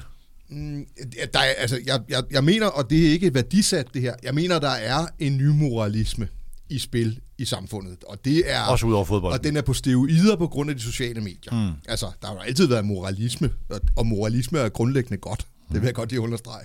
Men, men det er klart, det antager nogle dimensioner, som er ustyrlige. Det er nok det, vi alle sammen er sådan lidt bekymrede for, at der ikke nødvendigvis længere er proportioner imellem lad os sige, en forbrydelse, eller en fejltagelse, eller et eller andet andet, og konsekvensen. Altså, det er en lidt anden diskussion end fodbold, men, men det er jo det univers, vi lever i, hvor, øh, hvor der ikke nødvendigvis bliver præsenteret den anden side af sagen. Er en fodboldklub for eksempel skal tjene penge, eller hvordan kan vi tage på ferie til Dubai, men ikke synes, vores fodboldhold må træne dernede? Altså, det, altså de der sådan ting bliver, bliver ensrettet, og det hele ender hos klubben, fordi vi har den her oplevelse af, at klubben skal faktisk opføre sig bedre, end jeg skal når jeg nu skal være helt ærlig. Altså, ikke? Altså, det er... Altså, jeg, jeg, jeg er ikke storspiller. Altså, øh, jeg, jeg, hvis jeg spiller for 100 kroner om måneden, men jeg gør det jo. Altså, jeg tipper der er til på nogle kampes udspil. Men, altså, så, så, så jeg er jo ikke inden for, at gambling ikke skal eksistere, eller et eller andet andet. Øhm, Men jeg forstår ja. simpelthen ikke pointen, Dan. Det gør jeg ikke. Altså, hvis, hvis, hvis du spiller for 100 kroner øh, en gang imellem, må, må du så ikke have noget imod, at man promoverer gambling? Eller, eller hvor? Altså det der med, at vi skal være bedre... Jeg, men jeg, gambling jeg er simpelthen per definition farligt. Ja, ja. Altså, det er, jo, det er jo der, den starter, Peter. Ja. Altså, så kan man tro, og det skal du jo som marketingchef, tro, at det er reklamen, der er, helt, der er den onde, der, der er, hvad hedder det, slangen i paradis. Men det er jo gamblingen, der er slangen i paradis. ja. Altså, hvis vi, hvis vi virkelig ikke ville have, der skulle være ludomaner, så skal vi holde op med at tillade gambling. Så ved vi godt, det bliver sort gambling i stedet for. Så derfor vil det ikke virke. Altså, øh, men, men altså, vi sidder jo og diskuterer på sådan nogle overfladeniveauer. Ikke? Øh, jeg forstår godt diskussionen omkring betting-reklamer, fordi der er en meget tæt kobling mellem det, der lige præcis sker nu, og så det her live-betting. Fordi jeg mener virkelig, det er live-bettingen, der er den betændte, om jeg så må sige. Og selvfølgelig kan man regulere på den. Men det er nu ikke det, der er pointen. Pointen er, at vi har meget høje forventninger til vores fodboldklubbers moral. Altså, øh, og det er sikkert fint. Altså, det gør det bare rigtig meget mere udsat at være fodboldklub, fodboldleder, fodboldspiller, end det nogensinde har været. Og problemet Ja. er hvad? Ja, hvad? Jamen, øh, Problemet er, at fodboldklubber vil tage fejl. Og Altså- det må man sige, de gør i øjeblikket. Fordi, jeg, ja, fordi det, det her det er faktisk en af mine... Øh, det, du skrev tidligere op, øh, Brygman, det der med, at, øh, hvad det var det værste ved fodbold i øjeblikket. Jeg synes, det er med uligheden, vi talte om før. Øh, og så for mig, at øh, jeg synes, fodboldverdenen, eller fodboldværdierne, er, øh, de, er, de er så langt bag ved de værdier, vi har i vores øvrige samfund. Øh, jeg synes, vi er så langt bagefter i fodboldverdenen. Øh, og, og ude af trit, altså, øh, når vi snakker om menneskerettigheder. Øh, men det gør vi først på bagkant i fodbold. Øh, hvordan opfører man sig omkring kampe? Øh, hvor, hvor der er fans i Danmark, øh, for eksempel nu her, der opfører sig ekstremt dårligt i, i, i nogle fodboldsituationer, som man ikke opfører sig på andre steder. Øh, Øh, nu er der rigtig meget med kvindefodbold i øjeblikket, som øh, også har taget rigtig, rigtig lang tid, for at vi har skulle lave en sportsgren, hvor der var plads til begge køn også. At vi ligesom skulle investere nogle penge, for at, for, for at vi kommer i gang med noget. Øh, det kommer nu, sandsynligvis tror jeg, på bagkant af, der har været en, en rigtig stærk ligestillingskamp de sidste 5-7 år nogle andre steder. Det har så måske også ført noget med her, at nu begynder vi også her at, øh, at give mere plads, eller bruge flere ressourcer. Øh, inklusion af, af folk med en anden seksualitet på, øh, på en arbejdsplads for eksempel, som jo er en helt naturlig ting på alle arbejdspladser, men man ikke er det i fodbold. Øh, der, er nogle, der, der er nogle ting, øh, og ludomani, som, som, som Dan beskriver, som vi jo ved er et kæmpe problem, men som bare er hyper eksponeret i fodbold. Øh, Min oplevelse er virkelig, at, at, at fodbolden er ude af trit med samfundet. At den er bagefter, at vi øh, at klubber, forbund og så videre, er så langt bagefter, også deres egne fans. Så det er jo meget godt beskrevet det der med, at det er fansene, der nogle gange stiller nogle krav til klubberne. Og så er det den vej igennem. Det er, Så du tror, det skal komme nedefra? Øh, det er min oplevelse, at på det område, det, det, det er i hvert fald det, det gør mm. i øjeblikket. Jeg synes ikke, det er klubberne, fodboldlederne, fodboldpolitikerne, vores kulturminister, der ikke kan, ikke kan finde ud af at sige ordentligt, hvad der er, der er regeringspolitik i forhold til at tage til Katar. Altså, der, der, der er... øh, Jeg synes virkelig på det her område, der, der Den, synes jeg fodbold... den nye er dog kommet til, at det hænger sammen. Ja, det, ja, det er rigtigt, ja. Det er, Det er rigtigt. fremskridt. Ja, ja, det er fremskridt, og der er selvfølgelig også nogle ting, der går sammen. bedre. Altså fordi, nu, nu diskuterede jeg med nogle venner i går, måske skal man også passe på med at sidde på bar og drikke sig fuld og snakke om det her. Og der var også nogle gode argumenter for, at om spillerne knæler jo i øjeblikket, og vi spiller med regnbueflag på, øh, som, øh, hvad hedder det, øh, som arm, hvad hedder det? Som, Anfører. Øh, som anførerbind, tak. Øh, og det er jo selvfølgelig rigtigt nok. Det er bare, så er min oplevelse at sige, "Nå, men så har vi gjort noget ved det. Nu behøver vi ikke snakke mere om øh, inklusion af homoseksuelle i fodbold, for nu spiller vi jo med et armbånd på. Eller øh, nu behøver vi ikke snakke mere om, hvor mange tusind slaver, der er døde i Katar, fordi nu har vi haft en opvarmningstrøje på. Og jeg synes, det er, jeg synes, det er så billigt noget af det der. Det må jeg sige. Og jeg synes, øh, øh, ja, altså jeg synes, fodboldværdierne er ude af trit med samfundets værdier. Men det er Men så, hvorfor? Men... Altså, det er jo det, der er det store spørgsmål. Hvorfor? Hvis, hvis du har facitlisten over, hvad man skal gøre, hvorfor gør de det så ikke? Hvorfor er du ikke øh, på generalforsamlingen i Lykke ja, ja. og siger, her er 10 actionpunkter? Men Dan, Nej, nej, men jeg vil gerne høre det. Hvorfor sker det ikke? Øhm, fordi øh, vi er tilbage ved det første, at, at fodbold er et øh, en ekstrem øh, kapitali- kapitalistisk øh, marked, og der er ikke, jeg synes ikke, der er andre overvejelser, an- der er ikke, ikke andre øh, kodexer, der spiller ind, end hvordan tjener vi nogle penge. Og det synes jeg, Men er der det nogen mig af dem, der træffer beslutninger i Lyngby, der har tjent penge? Øh, det, det ved jeg ikke lige. Der, der mangler en videresætning af det der, en videreførelse af det der. Hvordan tjener vi nogle penge, så vi kan vinde nogle fodboldkampe?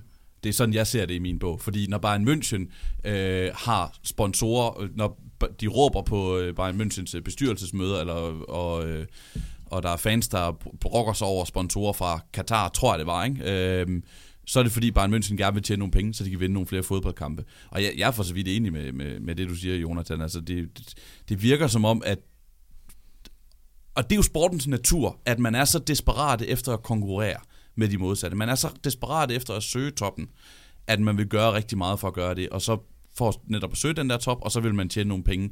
Og hvis, hvis det så, de penge, man så kan tjene, de kommer fra samarbejder med Rusland eller med øh, stater, andre stater med, med problemer med menneskerettigheder osv., jamen så be it, så tager vi de penge. Det, det er sådan, jeg ser det. Fordi jeg ser det, fodbold er et kapitalistisk styre, eller kapit- ma- ekstremt markedsstyret mark- øh, sport, forretningsområde, kan man sige, fordi man skal bruge nogle penge til at vinde nogle fodboldkampe. Men må jeg ikke bare lige jeg, jeg synes, det er utrolig rigtigt, det der du siger, og for mig, det handler ikke så meget om, hvem der, der, der tjener penge og ikke penge øh, lige her. Sport har altid haft, i hvert fald set med mine øjne, den der sådan lidt... Øh, øh, kæmpe fejl, som er en klassiker. Altså, man kan ikke ikke kommunikere. Fodbold i særdeleshed tror, at hvis man ikke snakker om noget, så findes det ikke. Det gør det. Og man har en holdning til det, også hvis man ikke har en holdning til det. Og jeg, jeg synes virkelig, altså, det er en, det er en interessant øh, ting, og jeg skrev ned her, altså, sådan noget som, som øh, altså, en homoseksuel, der springer ud, og så, så er man sådan helt øh, op og kører. Det er det rigtige at gøre. Når en øh, spiller fra Manchester United, øh, hvad hedder det, Øh, har, har slået sin kæreste angiveligt, øh, Greenwood, så et sekund efter han har gjort det, så bliver han fritstillet. Det er også fint. Men er klubben inde og fortælle om, at, at nu har de gjort et eller andet i en anden sammenhæng? Nej, nej. Det har de altså for at hjælpe det her problem, mm. eller gøre det. Nej, nej, nej. De skærer problemet væk. Det handler om at beskytte et brand hele tiden øh, og, og sikre sig, at, at der ikke er noget dårligt, der klæder sig, øh, klipper sig til en osv. Og der savner jeg sgu, altså også for at være ærlig, at man tager det der skridt videre og begynder at, at, at tage sit ansvar på sig. Dels for, for de ansatte, man har, men også for, for de omgivelser, man påvirker. Og der, der er øh, fodbold og sport virkelig gode til det der med at sige, nu må vi ikke blande tingene sammen. Men de er blandet sammen. Og, og, og det vigtigste for dem har været at få ro mere end at få, øh, få, få, få deltage i en debat, og det, det, er, det er skidt. Så jo mere de kommer ud af den og begynder at snakke, det, det, så vil jeg hellere have, for at vende tilbage til det, du sagde, hvem har listen dan? Det ved jeg ikke. Og for, jeg vil hellere have en klub, der engang imellem tager, en, tager fejl, end at de gemmer sig. Peter, men jeg, jeg bliver nødt til at få den tilbage på sporet, fordi at, at jeg tror, vi alle sammen er enige om, på at, at, at, at gøre det rigtige er, hvad hedder det, er rigtigt, mm. det principielt. Og, og alt andet lige, så er vi nok ikke så forskellige i forhold til, hvad vi synes er rigtigt. Det, der var min pointe, det var, at det er grotesk, at jeg forventer mere af min fodboldklub med fire eller fem eller seks ansatte på kontoret, end jeg forventer af min bank. Men gør du det? Ja, det gør jeg rent faktisk. Altså, fordi jeg har jo følelser i forbindelse med fodboldklubben. Øh, det gjorde der mere ondt på mig, at Fremad Amager var russisk ejet, eller hvad det nu var, de penge kom fra, end, øh, end hvad Danske Bank enten har foretaget sig, eller ikke har foretaget sig øh, et eller andet sted. Øh, og det er bare det, jeg vil sige, at der er risikoen. Man, Fremad kan ikke ansætte 10 mand til sin compliance-afdeling. Altså, øh, jeg tror ikke engang, jeg tror ikke engang, gæt på, hvor mange mennesker Danske Bank har ansat for at undgå at havne i den situation, de har havnet i. Men vi taler mm. tusindvis. Altså, øh, og det, det er der, jeg mener, at de ressourcer, en fodboldklub har til rådighed, og derudover vælger den så at prioritere rigtig mange af dem til at vinde fodboldkampe. Men altså, øh, vi, vi taler jo ikke om store mastodonter, der kan sætte sig ned og lave en masse analyser på, på den ene side, på den anden side, øh, og lige nu er det rigtige, mest rigtige at gøre det her. At vi så ser nogle eksempler på, at man er bagefter, og det starter helt op fra toppen, og det er jo det, der er det, det, er jo det, der er det grimme, fordi når de kan gøre det, så kan vi andre også være en lille smule. Men der er der ikke nogen af de 12 fodboldledere i Superligaen, der ikke gerne ville være uden en diskussion om det rimelige i, at de har bettingreklamer, hvis ellers de kunne få pengene på anden vis. Du Godt. Siger, du siger, jeg skal lige prøve ind at have fat i, øh, at det her handler meget om penge. Jeg skal have fat i Peters briller på de her ting. Øh, I forhold til, øh, Jonathan siger, at fodboldklubberne er ude af trit med samfundet. Øh, er der en kommersiel upside i den klub, der tager stilling? Lad mig prøve at gøre det meget konkret. Du nævner selv FC Nordsjælland som er den her character building og gør tingene på en særlig måde. I er øh, en af de store sponsorer i FC Nordsjælland. Vil, det, vil FC Nordsjælland være mere attraktiv, hvis det var den første klub, der tog det her skridt? og tog en, en, øh, en aktiv stillingtagen omkring for eksempel betting, når man satte så meget på ungdomsudvikling og talentudvikling? Altså, jeg vil sige, Nordsjælland er et lidt specielt eksempel derhen, at de gør rigtig mange gode ting, og har rigtig, rigtig mange gode ting omkring deres klub i forvejen. Så man kan altid diskutere, hvad vil det næste betyde? Men de har ikke gjort den her ting, Nemlig, som ligger til deres Så- højre ben. Ja, men jeg vil sige, det vil helt sikkert, efter min mening, være et, øh, et godt signal at sende, og de vil, det vil måske rykke dem lidt. Men det vil rykke meget mere fra andre klubber, hvor man måske ikke har taget de første 7, 8, 9 skridt, som FC Nordsjælland har taget. Men der er ingen tvivl om, at altså, den kobling mellem at have en bettingpartner og samtidig øh, øh, gå så meget op i, øh, i ungdom osv., det er en sjov, det er en sjov ting, synes jeg. Men jeg synes også, altså, for mig er det også vigtigt at sige det der med, at jeg synes ikke, der er nogen facitliste for sådan her god opførsel. Det er bare, vi har øh, i Arbejdernes Landsbank, der er der i næsten alle virksomheder, der har man jo en strategi for, hvordan vil man gerne opfattes af andre mennesker, eller hvor man vil, øh, hvilke mennesker vil man gerne gøre noget godt for, eller hvem vil man gerne gøre noget ekstra for. Øh, og de her ting betyder ikke nødvendigvis, at man så skal tjene færre penge, eller man ikke skal tjene penge. Nej. Det er bare, at det her det er en anden måde at tjene pengene på, også. Øh, det kan, altså noget helt så øh, banalt som, nu har vi snakket øh, klima- og miljøpolitik de sidste 20 år i samfundet. Jeg har endnu ikke set et stadion, der er blevet bygget klima- og miljøvenligt. Med solceller, eller med spildevand, eller med emballager, hvor vi ikke, når vi får det, ikke kaster det ud alle mulige steder. Men hvorfor Øh. tror du ikke, det er det? Fordi jeg synes, de er bagefter, og jeg synes, Hvorfor de er er de bagefter? uinnovative. Altså, det, altså, vi kan jo godt sidde og diskutere det her, som om, at fodboldledere er dummere, end politiet tillader. Nej, de Det er har, ikke sandsynligt. Nej, nej, de har bare nogle andre briller på, end dem jeg har på. De tillægger økonomien, øh, og at vi skal rykke os der noget, noget mere, og jeg synes, vi skal rykke os på nogle moralske værdier. Dan, jeg vil, det var bare en pointe, jeg lige hæve fat i. Du siger det her med, at det er grotesk, at vi stiller de her krav til fodboldklubber. Nej, det tror jeg ikke, jeg har sagt. jo, jo, du sagde grotesk. At det er grotesk, at vi stiller de her krav til fodboldklubber, men ikke gør det til andre. Nej, det sagde jeg ikke. Altså, det er grotesk, at det betyder mere for mig, hvad en fodboldklub øh, gør, end hvad en bank gør. Ja, jeg er for så vidt enig. Jeg er også enig i, at det er voldsomt svært at, for de her klubber at navigere i det. Men jeg synes stadigvæk, det er en god ting. Jeg synes, at det er rart, at vi, vi retter de der krav nogle steder hen, og så gør vi det meget naturligt, at vi gør det så steder hen, hvor vi har følelser investeret. At vi så burde gøre det endnu flere steder hen. Det er så, det er så en anden ting, og det er måske mere Men endnu det er no-brainer. samfunds- Det er ja. no-brainer, at det er en god idé, også kommercielt, at opføre sig ordentligt. Når det så alligevel ikke sker, i banker, i fodboldklubber, på minkfarme, you name it, så er det fordi, det er forbundet med dilemmaer. Altså, verden er ikke, undtagen i en podcast, og hvis man er ikke er fyldt 40 endnu, øh, så sort-hvid, som vi gør det til. Så kan vi altid diskutere, at vi er over for meget i det grå segment, hvor vi burde være hvide. Det er en god idé, det er gode diskussioner, der foregår i øjeblikket, men man bliver nødt til at spørge sig selv, at hvis det er så fucking åbenlyst, hvis det er så fucking fornuftigt, rent kommercielt, hvorfor sker det ikke? Og det er ikke, fordi fodboldledere ikke gerne vil opfattes sympatisk, inkluderende, uh, you name it. Det er fordi, det er ikke det, de bliver målt på. Og det er blandt andet af os som fans. Altså, ikke? Men jeg synes faktisk, fansene har er foran klubberne mange steder. Altså, vi dem, ser du læser og hører om, og det er, jo, det er jo fordi, de dilemmaer kommer jo ikke frem for en fan. Altså, en, et dilemma om, man skal bruge penge på et eller andet, bliver jo aldrig, men så må I undvære højre bak. Altså, det, det er jo ikke, det er jo ikke altså, den, det dilemma, du sidder med, når du skal træffe beslutningen, kontra det dilemma, du forholder sig til, når du er uenig med det valg, man foretog. Det er to helt forskellige verdener.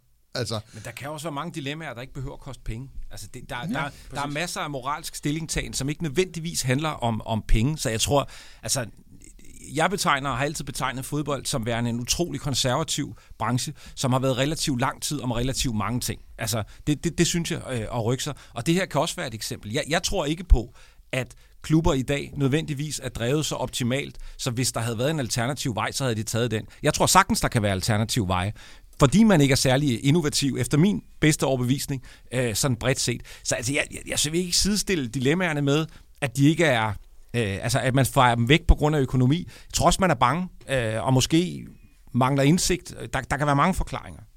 Ja, en fodboldklub og fodboldklubledere er sandsynligvis lige så forskellige, lige så dygtige og udygtige som ledere i banksektoren og alle mulige andre steder.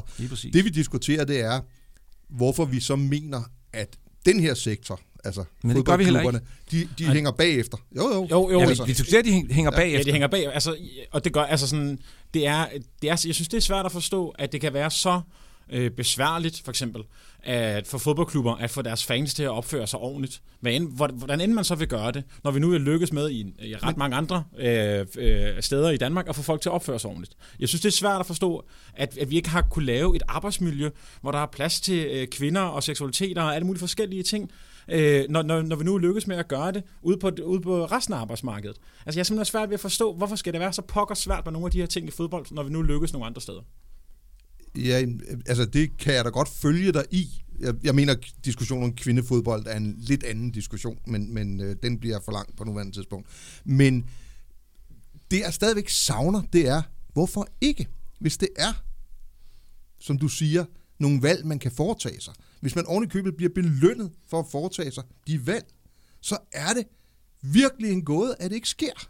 Altså, og nu har jeg for eksempel siddet med fanuroligheder igennem mange år. Altså, og det er en af de steder, hvor jeg... Altså, det er jo først nu, det er blevet et nationalt problem, fordi det skete i fældeparken til en landskamp på storskærm. Altså, øh, det er ikke så nemt at styre store folkemængder. Jo, så kan du visitere. Jeg tror godt, jeg tør sige, at jeg var øh, styre dem i Royal Arena mest, mest hadede mand, og hvordan kan det da være? jeg indførte det der waycourt for FCK-fans på udebane. Altså, det er et dilemma, der er til at forstå. Når der er tusindvis af fans, der siger, at øh, hvad hedder deres menneskerettigheder øh, vægter højere end min ret til at undgå, øh, at øh, 25 mennesker opfører sig dårligt øh, på et udbaneafsnit. Det er et dilemma, der er til at forstå. Altså, øh, og, og det er jo det, som jeg... Altså, det er der, hvor jeg savner... Det, jeg synes, der er for mange, der kigger på skoene og ser, hvordan de ser ud, hvordan de må være at gå i. Men dem, der går i dem, de står i nogle andre problemstillinger. Det betyder ikke, at man ikke skal stille krav. Altså, øh, du er inde i en fodboldklub. Du må kunne gøre rigtig mange ting. Altså, du er også medlem af en fodboldklub. Du må kunne gøre rigtig mange ting. Altså, men hvis man bare stiller sig op og råber på, at ting skal være anderledes, uden at forstå, at det er et ressourcespørgsmål, det kan være et designspørgsmål i en forretningssystem, som gør, at ingen fodboldleder vil overleve tre nedrykninger i træk, men til gengæld have topkarakterer i CSR, tror jeg, vi kaldte det i gamle dage. Altså, det er, jo, det er jo den virkelighed, der er. Det er ikke, og det er ikke den virkelighed, vi ønsker at undvære. Vi ønsker en virkelighed, hvor man kæmper om tingene, og lige nu, der er det så 70% økonomi, der gør, at man vinder eller taber. Så, så vi bliver jo nødt til at acceptere, at det er en forudsætning. Man kan ikke fravælge succes og tilvælge, øh, hvad hedder det, inklusion for eksempel. Det, så sidder du der ikke ret længe. Det er slet ikke mit argument, at man skal fravælge succes. Du kan kun bruge en kron én gang, for eksempel, ikke? Jo, jo, men som, som Peter rigtig siger, der er en masse ting, der ikke koster penge, og der er en masse måder at opføre sig på, eller, for, eller forsøge at få folk til at opføre sig på, som ikke koster penge. Jo, men nu sidder jeg bare med den der for eksempel omkring at få folk til at opføre sig ordentligt på et fodboldstadion. Det er noget, folk har beskæftiget sig med i 50 år, altså. Og alligevel opstår det nu igen. Jeg er gammel nok til at kunne huske, at fodbolden var ved at dø af huliganisme i 70'erne og 80'erne. Så satte man sædepladser ind. Så hjalp det en smule. Nu kommer det tilbage igen af andre årsager. Det er en dybt kompleks sociologisk problemstilling. Altså, øh, og at tro, at det bare handler om, at der sidder nogle fodboldledere, som ikke vil tage fat i det, det passer simpelthen ikke. Det er måske lige nøjagtigt lige i øjeblikket det problem, en del fodboldledere allerhelst vil undvære. De ved bare ikke, hvordan de skal løse det. Hvis jeg prøver, må prøve at repræsentere den der grå side, du snakker lidt om, øh, Dan, øh, uden at det skal blive en anden podcast, som hvis også noget med de grå sider, så, øh, så for, jeg, for, for at sige, jeg, er fuldstændig, jeg vil ikke ane en skid om, hvad vi gør ved huliganproblemer. For jeg ved ikke, ved ikke, hvad man gør, når der er 10.000 af mennesker, der kommer til en fodboldkamp, og 25 øh, af dem opfører sig dårligt, eller 100 af dem opfører sig dårligt, og nogle af dem har rockerforbindelser, og hvad i alverden stiller vi lige op med det. Jeg aner det simpelthen ikke. Til gengæld, så ser jeg også en sport, hvor man fordi det er sportens natur. Man søger de yderste procenter, de bitte små procenter hver gang. Hver gang. Ikke? Så hvis man, og det er måske der, at fodboldklubberne nogle gange kan give køb på nogle af de der procenter. En gang imellem. Fordi vi ser, okay, vi skal på træningslejr til Dubai og Katar og Saudi-Arabien, fordi de har fandme lækre baner, og frokostbuffeten er rigtig god. Ergo er der måske en lille bitte smule bedre chance for, at vi spiller de sidste 5 minutter bedre af forårspremieren. De procenter er der mange i sportens verden, og det forstår jeg godt, der har vanskeligt ved at give fra sig. For eksempel cheftræner, som kigger på, hvordan skal jeg få en hold til at præstere bedst. Det gør jeg ved at søge de bedste baner, hvor de er henne. Jeg er ligeglad, hvor de er henne, men jeg skal ned til dem. Og det er der, man kan, øh, hvor vi har set et eksempel på, at man rent faktisk kan flytte sig en lille smule, og så sige, okay, så må vi opgive de procenter, så må vi tage en lille smule dårligere bane, og så må vi tage til Vildbjerg, eller hvor det nu måtte være. Ellers bliver vi enige om, i hvor hele, græsprofessoren øh, i øvrigt reagerer og gør det rigtig godt. I hele Superligaen, at Superligaen tager ikke til ja. Ja. Saudi-Arabien og holder træningslejr. Så der er ikke nogen competitive edge i det der. Ja. Altså, det er også det, jeg efterspørger, når vi snakker om det der med at, at finde nogle ting, der ikke koster penge. Det er jo bare at gøre sådan.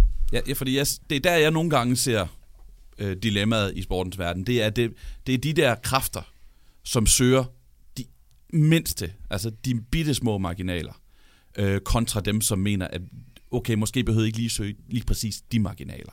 Øh, og der, der ser jeg nogle eksempler på, at vi rent faktisk har fået flyttet sig, fordi, som du siger, Peter, jamen jeg tror, jeg tror da ikke, at, øh, vi ser nogen træningslejre i, øh, i de her arabiske lande lige forløbig.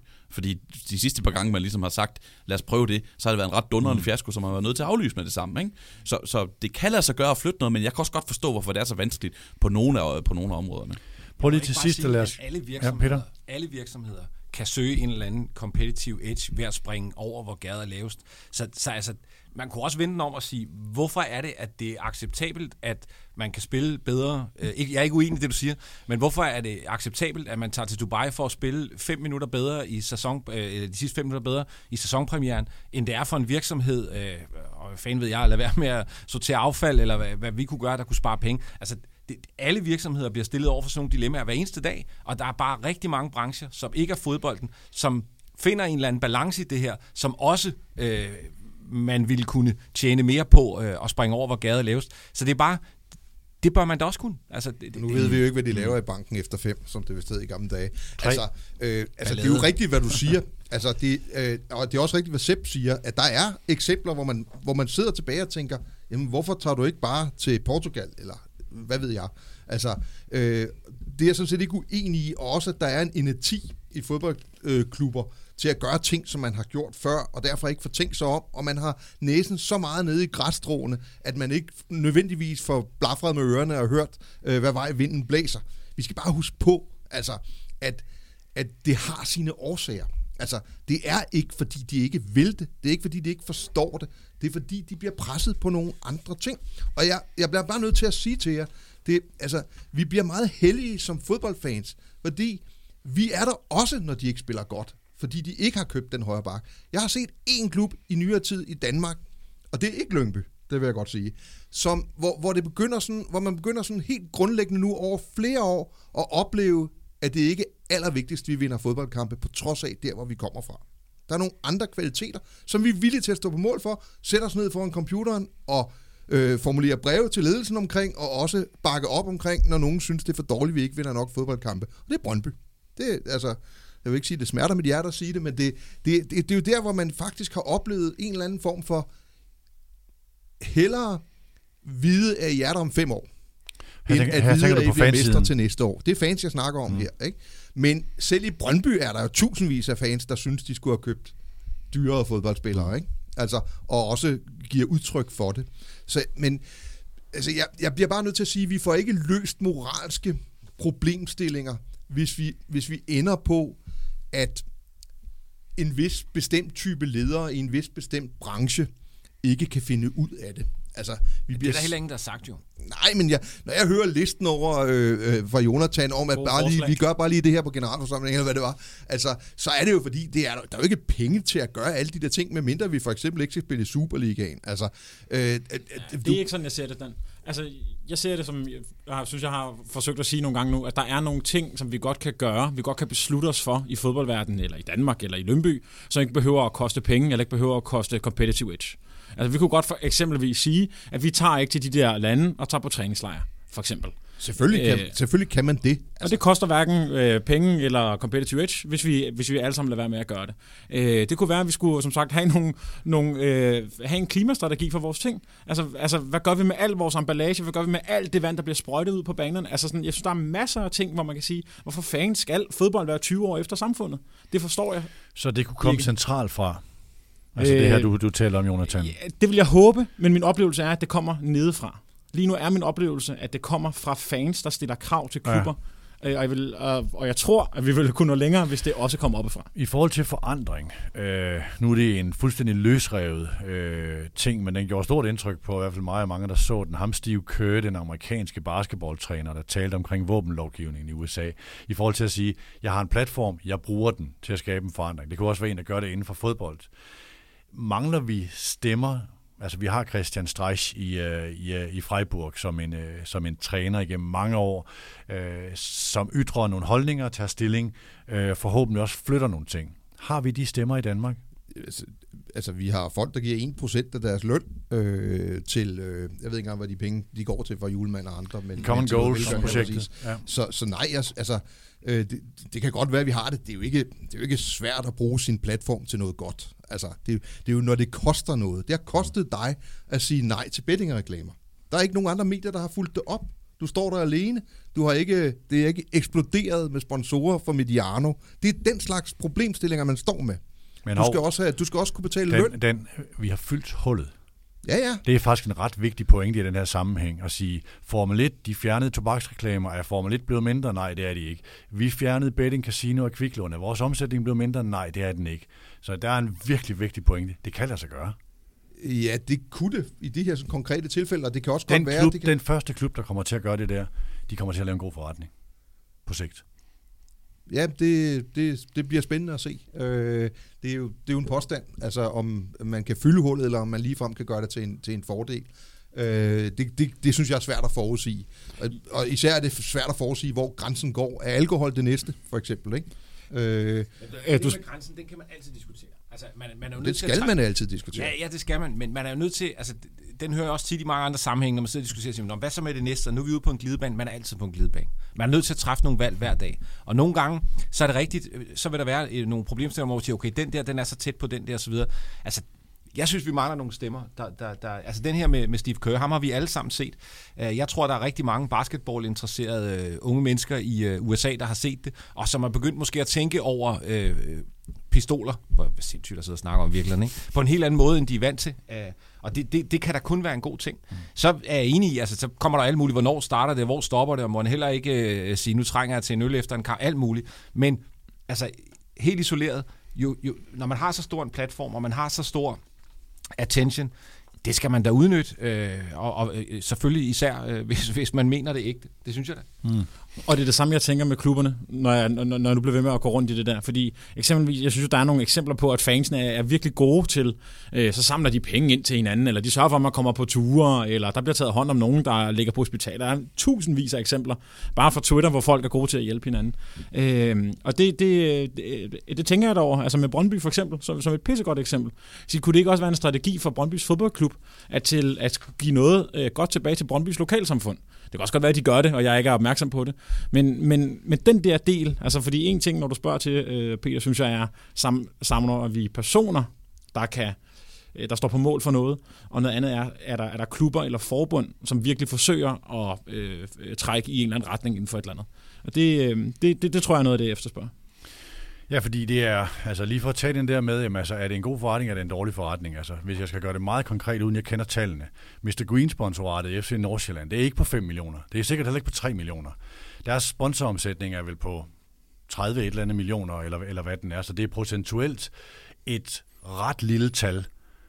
Og den klub, der gør det der først, hvis de får lov til det, og det er en vigtig dimension, øh, vil, vil komme til at lave en god forretning på det. Fordi Og så, de tager stilling. Hvem så er der forhindre dem? Hvorfor noget? Hvem skulle forhindre dem i at gøre det? Og der kan være et vist tryk, når øh, en, og nu tager jeg bare et beløb, som jeg i hvert fald har kendskab til tidligere, når en, øh, når en aftale på en rettighedshavende tv-station for et selskab, et bettingselskab på en tv-station, kan overstige 20 millioner, måske endda 25 millioner. Øh, og der er i stadig stigende grad virksomheder, der søger anderledes miljøer. Vi har så sent som i den her uge indgået en aftale, hvor virksomheden kom, blandt andet fordi vi ikke havde bettingaftaler. Bare for god skyld, jeg siger ikke, at fodboldklubber skal holde fast i deres bettingaftaler. Det er slet ikke det, vi diskuterer. Vi diskuterer, at det er et dilemma. Det er et konkret økonomisk problem, mm. som så muligvis kan løses på anden vis. Og det har der gode eksempler på, som du nævner. Tobaksreklamer var også meget dominerende for nogle år siden i, i Formel 1 og andet, og, og det er afløst af noget andet. Men det hjælper ikke næste års budget i en fodboldklub, hvor man i forvejen laver et underskud. Altså, og det, jeg siger ikke, det er den rigtige måde at tænke på. Jeg siger bare, det er dilemmaet. Lad os prøve at runde af med at sige den her med, hvor lander vi hen efter alle de her ting i, i forhold til jeres kærlighed til, øh, til fodbolden, og hvad der udfordrer den, og er der noget, der gør den større. Vi tager lige sådan et hovedspørgsmål, og så to underspørgsmål til hver. Vi tager den bordet rundt, Peter. Først til dig. Er din kærlighed til fodbold lige så stor, som den var tidligere? Ja, det er den. Det Okay. er den.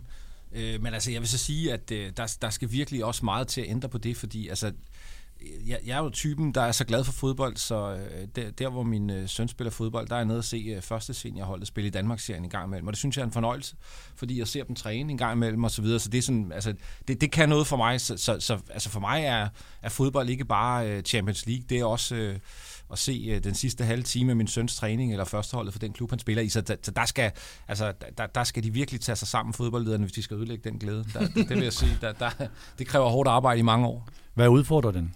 Jamen altså, det, det var noget af det, jeg indledte med. Altså, jeg, jeg har det en lille smule svært med, at, at, øh, at det er som om, at vejen mod flere penge ingen grænser har. Altså, at, at der ingen moralsk stillingtagen overhovedet er til, hvad man... Øh, hvad man øh, vil sætte i søen for at tjene penge. Og jeg skal nok øh, på et eller andet tidspunkt stoppe med at snakke om fan-tokens. Øh, det kan jo være, når udsendelsen stopper lige om lidt. Men, men jeg synes for eksempel, sådan, sådan noget, det, det, altså, det, det, det, det synes jeg simpelthen... Der er mange af de der ting, jeg, jeg, det er bare et eksempel, hvor, hvor jeg så tænker, er der overhovedet grænser for, hvad mm. man vil gøre for at tjene penge? Og lige i øjeblikket kunne det se ud som om, at det svar er nej, og det bryder jeg mig ikke om. Er der nogle ting, der gør kærligheden større? Sådan ja. i en aktuel udvikling? Nej, altså ikke større. Ja, den, den er, jeg har en meget stor kærlighed til fodbold og se det på, på stadions, uanset om det er de små eller store, og, øh, og den er uforandret, men, men, men større, nej, det, det synes jeg ikke. Jonathan, er din kærlighed til fodbold lige stor som tidligere? Øh, ja, til spillet er den. Øh, jeg, ligesom øh, Peter, så har jeg også at gøre med fodbold, eller, så har jeg også at gøre med fodbold næsten hver eneste dag. Øh, og går på arbejde mange dage om ugen, og, og elsker det. Øh, og elsker fodboldspillet, og kollegaerne og kampene. Så, så, så til, den, til den del af fodboldspillet, som jeg har inde på kroppen, min hverdag, der er, der er, der er kærligheden lige så stor. Hvad udfordrer den? Jamen det gør jo de her rammer rundt om. Øhm, altså, jeg synes, det er, jeg synes virkelig ikke, det er fedt, at vi øh, med det her med Katar, og at vi ikke øh, øh, taler noget mere om det, og gør noget mere ved det. Jeg synes ikke, det er, det er fedt, at der er alle de her sager, om det så er korruption, eller om det er, øh, hvad fanden ved jeg. Altså, øh, der er nogle ting rundt om fodbolden og rundt om spillet, som, øh, som, som jeg, altså den udfordrer måske ikke kærligheden, men jeg synes virkelig, den, øh, den frustrerer mig fandme i øjeblikket. Det, det, det, må, det, mm. det må mm. jeg sige. Er der nogle ting, der gør din kærlighed større? I øh, ja, øh, landsholdsfodbolden faktisk. Mm. Øh, den synes jeg har, øh, det er blevet, jeg er også blevet ansat i, i DPU, så jeg ved, jeg ved ikke, om det er derfra, men jeg synes, jeg synes øh, hold kæft, det er blevet fedt at se landskampe, synes jeg. Og Nations League er godt, og EM er godt, og VM er godt. Altså, det, der, er, der er nogle ting der, som, som jeg synes er, det, der er min kærlighed til noget i fodbolden blevet større på landsholdsfodbolden. I forhold til det, fodbolden kan? Ja, 100 procent. Ja. Og, så, og, og den anden ting, der, der gør kærligheden større, det er, at, at jeg, jeg synes, jeg ser nogle, nogle, øh, nogle fans, der er, der er virkelig både fantastiske til at øh, bakke holdet op, men også til at tage stilling i nogle af de her ting. Altså i øjeblikket er det jo fans, der tager regnbueflagene med på øh, stadions, så er der også nogle af klubberne, der fjerner dem igen, eller forbundet, der fjerner dem igen. Men, men ja, det synes jeg, det er også noget, der gør min kærlighed til spillet større. Det er, der, der er en masse fans, der gerne vil øh, et bedre spil. Stillingtagen, ja. Stillingtagen, ja. Dan, hvordan ser din øh, størrelse af din kærlighed ud? Jamen, den er, den er uforandret sådan i styrke. Øh, men jeg tror, jeg, og det handler vel også om at blive ældre, og orientere mig mod nogle andre ting. Altså, øh, jeg skal ikke til Champions League-finaler eller, eller slutrunder, heller ikke øh, næste gang. Og Tyskland kunne man måske overveje. Øh, så, så det er også mere det der med, måske at køre forbi ens gamle klub øh, og se en Københavner-seriekamp, øh, giver mig faktisk øh, øh rigtig stor glæde. Øh, øh, så, så jeg tror, at den er, altså fodboldens øh, goodwill er afgrundsdyb. Øh, det er der ingen tvivl om. Øh, og jeg er enig med, strengt taget enig med Jonathan i, at vi gør rigtig meget for at, øh, at tømme poolen øh, ved, ved, ved dårlige beslutninger rundt omkring. Øh, jeg synes, der er forskel på dem, der kommer af svære dilemmaer, og dem, der kommer af berigelse. Bare for at tage det eksempel. Ikke? Øh, egen berigelse. Men, øh, men, men jeg kan også godt mærke, at, at at jeg synes simpelthen også, der er en form for overfodring. Altså sådan helt menneskeligt, øh, så, så synes jeg jo, at jeg kommer jo fra en tid, hvor en fodboldkamp var det dyrebarste. Altså nu taler vi en fodboldkamp på, på mm. tv. Altså, det var det dyrebarste. Det er det definitivt ikke længere for mig. Altså, jeg har misset Europa Cup, eller Europa League finaler, fordi jeg simpelthen glemte, den var der. Det var ikke sket i 1977 øh, til, til Cup Winners Cup, eller et eller andet i den stil. Hvilken ene ting udfordrer den mest kærligheden? Det er, øh, det er helt klart øh, på, på de ting, hvor jeg ikke er i tvivl om, at det ikke burde være et dilemma. Men man skal ikke lave bestikkelse. Man skal ikke bygge stadioner med øh, migrantarbejdere, der falder døde om. Altså de der ting, hvor, hvor, hvor jeg ikke synes, det er et dilemma, og hvor man alligevel gør det forkerte. Øh, der, øh, der kan jeg blive lige så ophidset, som Jonathan kan over noget mindre ting. Altså, øh, fordi det er bevidst ondskabsfuldhed. Øh, og det kan jeg ikke acceptere i nogen af livets forhold. Mm. Så ved jeg, at mennesker er uperfekte, og derfor kan man nogle gange træffe nogle beslutninger, øh, når man står i et dilemma, som bagefter kan se ud, som om man ikke ville det gode. Øh, men de rigtig store ting, altså øh, øh, blatter øh, øh, og infantil... Ja, nu skal man lige passe på, hvad man siger, men trods alt. Men, men det, at der overhovedet er et VM i Katar, hvor man flytter turnér, altså øh, fodboldåret, hvor man har alle de andre ting, vi har snakket om, øh, er, er for mig sådan et, et meget hårdt aftryk på, at på de ting, der, der er indiskutable, der har man fejlet for allerøverste sted. Mm. Og det bekymrer mig, når det er for allerøverste sted. For et eller andet sted er det også der, vi kigger hen for at undgå, eller for at få hjælp i de rigtige dilemmaer, der er. Sebastian, din kærlighed? Den er mindre. Der må, så må det være, være ham, der siger det, mm. øhm, når, når de andre ikke har det på samme måde, heldigvis for det. Det er den. Altså, øhm, jeg kan lige så vel, som da jeg var 10 år gammel, blive fuldstændig beruset af en enkeltstående oplevelse. Og jeg kan, jeg kan gå fra et stadion eller fra en fodboldkamp, jeg har set på tv, sådan helt høj på oplevelsen, og på fodboldens fællesskab og de der ting. Og bare, altså, min seneste oplevelse var til, til landskampen i tirsdag, hvor jeg var som presse, men alligevel bliver grebet, revet med af, hvor fedt det var at være til den der landskamp. Men jeg bliver oftere desillusioneret. Og jeg bliver øh, desillusioneret af, at øh, Øh, ensformigheden, som vi har snakket om, Jonas, du særligt også har, har talt om, det her med, det er de samme, der vinder hvert år. Jeg, jeg ved godt, hvem der vinder Bundesliga næste sæson. Jeg bliver glædelig overrasket, hvis jeg får taget fejl, men jeg tror ikke, jeg gør. Øh, og, øh, og så det, den stigende erkendelse af, at de værdier, der betyder noget for mig, ikke betyder noget for store dele af fodboldens verden. Netop som, øh, som Dan nævner med, med Katar. At, at vi skal have et VM dernede. At vi pinedød skulle have et VM dernede at, og det var så vigtigt for os at have et VM dernede, at vi var nødt til at rykke om på turneringer og acceptere 15.000 døde øh, arbejdere. Sådan nogle ting der, ikke? At Infantino, selv efter at øh, Rusland er begyndt at invadere Put, øh, øh, invadere Ukraine, kan ikke engang finde ud af at sige, ah, det var sgu nok en fejl at stå der ved siden og give krammer til Vladimir Putin. Det kan han ikke engang for sig selv til at sige, vel? De der værdier, der betyder noget for mig, dem, der bestemmer noget i fodboldens verden, de er skide ligeglade. Mm. De giver ikke en fuck. Og det betyder, at, at min kærlighed øh, til fodbold, den er, den er aftaget, som, som årene er gået. Ja, det er tankevækkende, at øh, selv det her mausoleum af griskhed, som en slutrunde placeret i november og december er, fører til, at vi skal bare sikre os, at det ikke sker igen. Jamen, jeg vil så altså sige... ikke sådan en, en stor øh, omkalfatring af nogle ting. Øh, det er der ingen, der taler om. Det er bare sådan, vi skal bare sikre, at det ikke sker igen. Jeg vil sige, at der er nogle ting på vej, som jeg håber kan vente i den, i den anden retning. Fordi jeg håber, at Katar 2022 var et lavpunkt. Jeg håber, vi ikke kommer længere ned. Jeg er ikke sikker, men jeg håber det.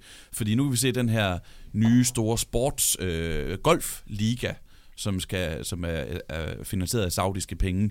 Der er en kæmpe debat omkring den her liga, som jeg ikke husker, der har været forbundet med jeg var så også kun øh, syv år gammel det på den gang, men Kick Fat Cup i, øh, i 1995. Jeg var der. Ja, altså, det, det, det, var det, hvor meget der blev snakket en lille smule om det, jeg har skrevet en artikel om det på et tidspunkt, så der blev snakket en lille smule om det, men det her med, at nu er der rent faktisk en debat omkring de her ting, som jeg ikke husker, der var for 15 eller 10 år siden. Øh, der kan godt være, at vi ligesom måtte sige, at det, det her VM, som vi, vi går frem imod, det var så stort et signal om, hvordan, om, om tingens tilstand, at der er nogen, der er begyndt at kæmpe imod. Om det så kommer til at virke, det er jeg ikke sikker på, men, øh, men det kan forhåbentlig forstærke min, min kærlighed til fodbolden lidt igen. Vi var ude at lave en, uh, Lars Poulsen, fotografen for Ekstrabladet, og jeg lavede en reportage der, derude i Riyadh og omegn, og ordet menneskerettigheder indgik, men, men det var så nok også det, uh, der skete dengang for rigtig, rigtig mange år siden. Den. Hvis jeg måtte have et ønske til jul, uh, så var det, at uh, Jesper Møller gik ud klart og tydeligt og sagde, at det her som VM er forkert. Vi skulle ikke have været der. Uh, indtil videre er det den norske... Siger han ikke det? Ah, øh, Jakob Jensen øh, kaldte, hvad var det hun hed, Lone Kleivan, tror jeg hun hedder. Lise, Lise, Lise Kleivan. Altså hendes tale var god, Mm. Altså, hvis I lægger mærke til, altså, man kunne have sagt vigtigt, man kunne have sagt alle mulige andre ting. Altså, øh, den var fænomenal. Jeg, jeg kunne, jeg kunne, ja, det var den, og den var vigtig. Mm. Altså, den var rigtig, men, men jeg kunne godt tænke mig at se, øh, øh, hvad hedder det, DBU i en skarpere rolle i forhold øh, til, til Katar. Øh, jeg kan ikke diskutere Jeg kan, ikke, jeg, jeg kan simpelthen ikke finde ud af, hvilke ben jeg skal stå på i forhold til, om man overhovedet burde spille dernede. Men, men jeg, jeg kan ikke forstå, at man ikke har været lige så tydelig som nordmændene Nej. omkring det her. Så sådan øh, en, en, et, et, et forsøg på en konklusion, det er, at kærligheden er intakt øh, med stemmerne 3-1, øh, men den er udfordret. Den er udødelig, tror jeg, vi sagde. Den er udødelig, ja. Hermed lukker vi den tredje sæson af Superliga for voksne. Vi finder FDM-håndbogen frem, tager krakbogen ud af handskerummet og ser, om vi kan finde vejen til Rydesheim. Tak Peter. Selv tak. Tak Jonathan. Selv tak. Tak Sebastian. Selv tak. Og tak til Dan. Jeg kan ikke holde farvel til, eller jeg bliver rørt, når jeg skal sige farvel til min hund hver morgen, men øs jeres kærlighed ud over Dan, så han begynder at tænke på comeback, allerede inden han er nået til Hyttenerberge, når han skal finde ned til Rydesheim. Jeg tror ikke, jeg bruger jeres tid på noget bedre. Dan, er der nogen famous last words? 70 20 10. Det har været et privilegie øh, at, øh, at få lov til at øh, snakke så meget og så længe om fodbold, og dermed bidrage til, at stadig flere bliver trætte af det. Når I, når, I, når, I, når I savner den, så ligger der mange episoder derude, som I kan gå tilbage til. Tusind tak til jer, der lytter. Tak til Larsen med Kaffen, stiftet i 1902. Det er 17 år før Arbejdernes Landsbank blev stiftet. Vi er Superliga for voksne. Rigtig god weekend. Vi høres ved.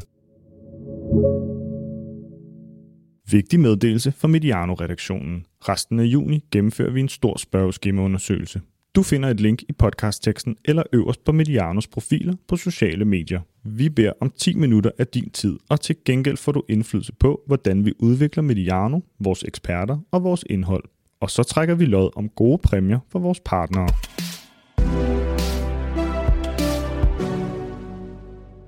Udsendelsen, du lige har hørt, var produceret af Mediano Media og sponsoreret af Peter Larsen Kaffe. Kaffe til folket siden 1902. Tak fordi du lyttede med. thank you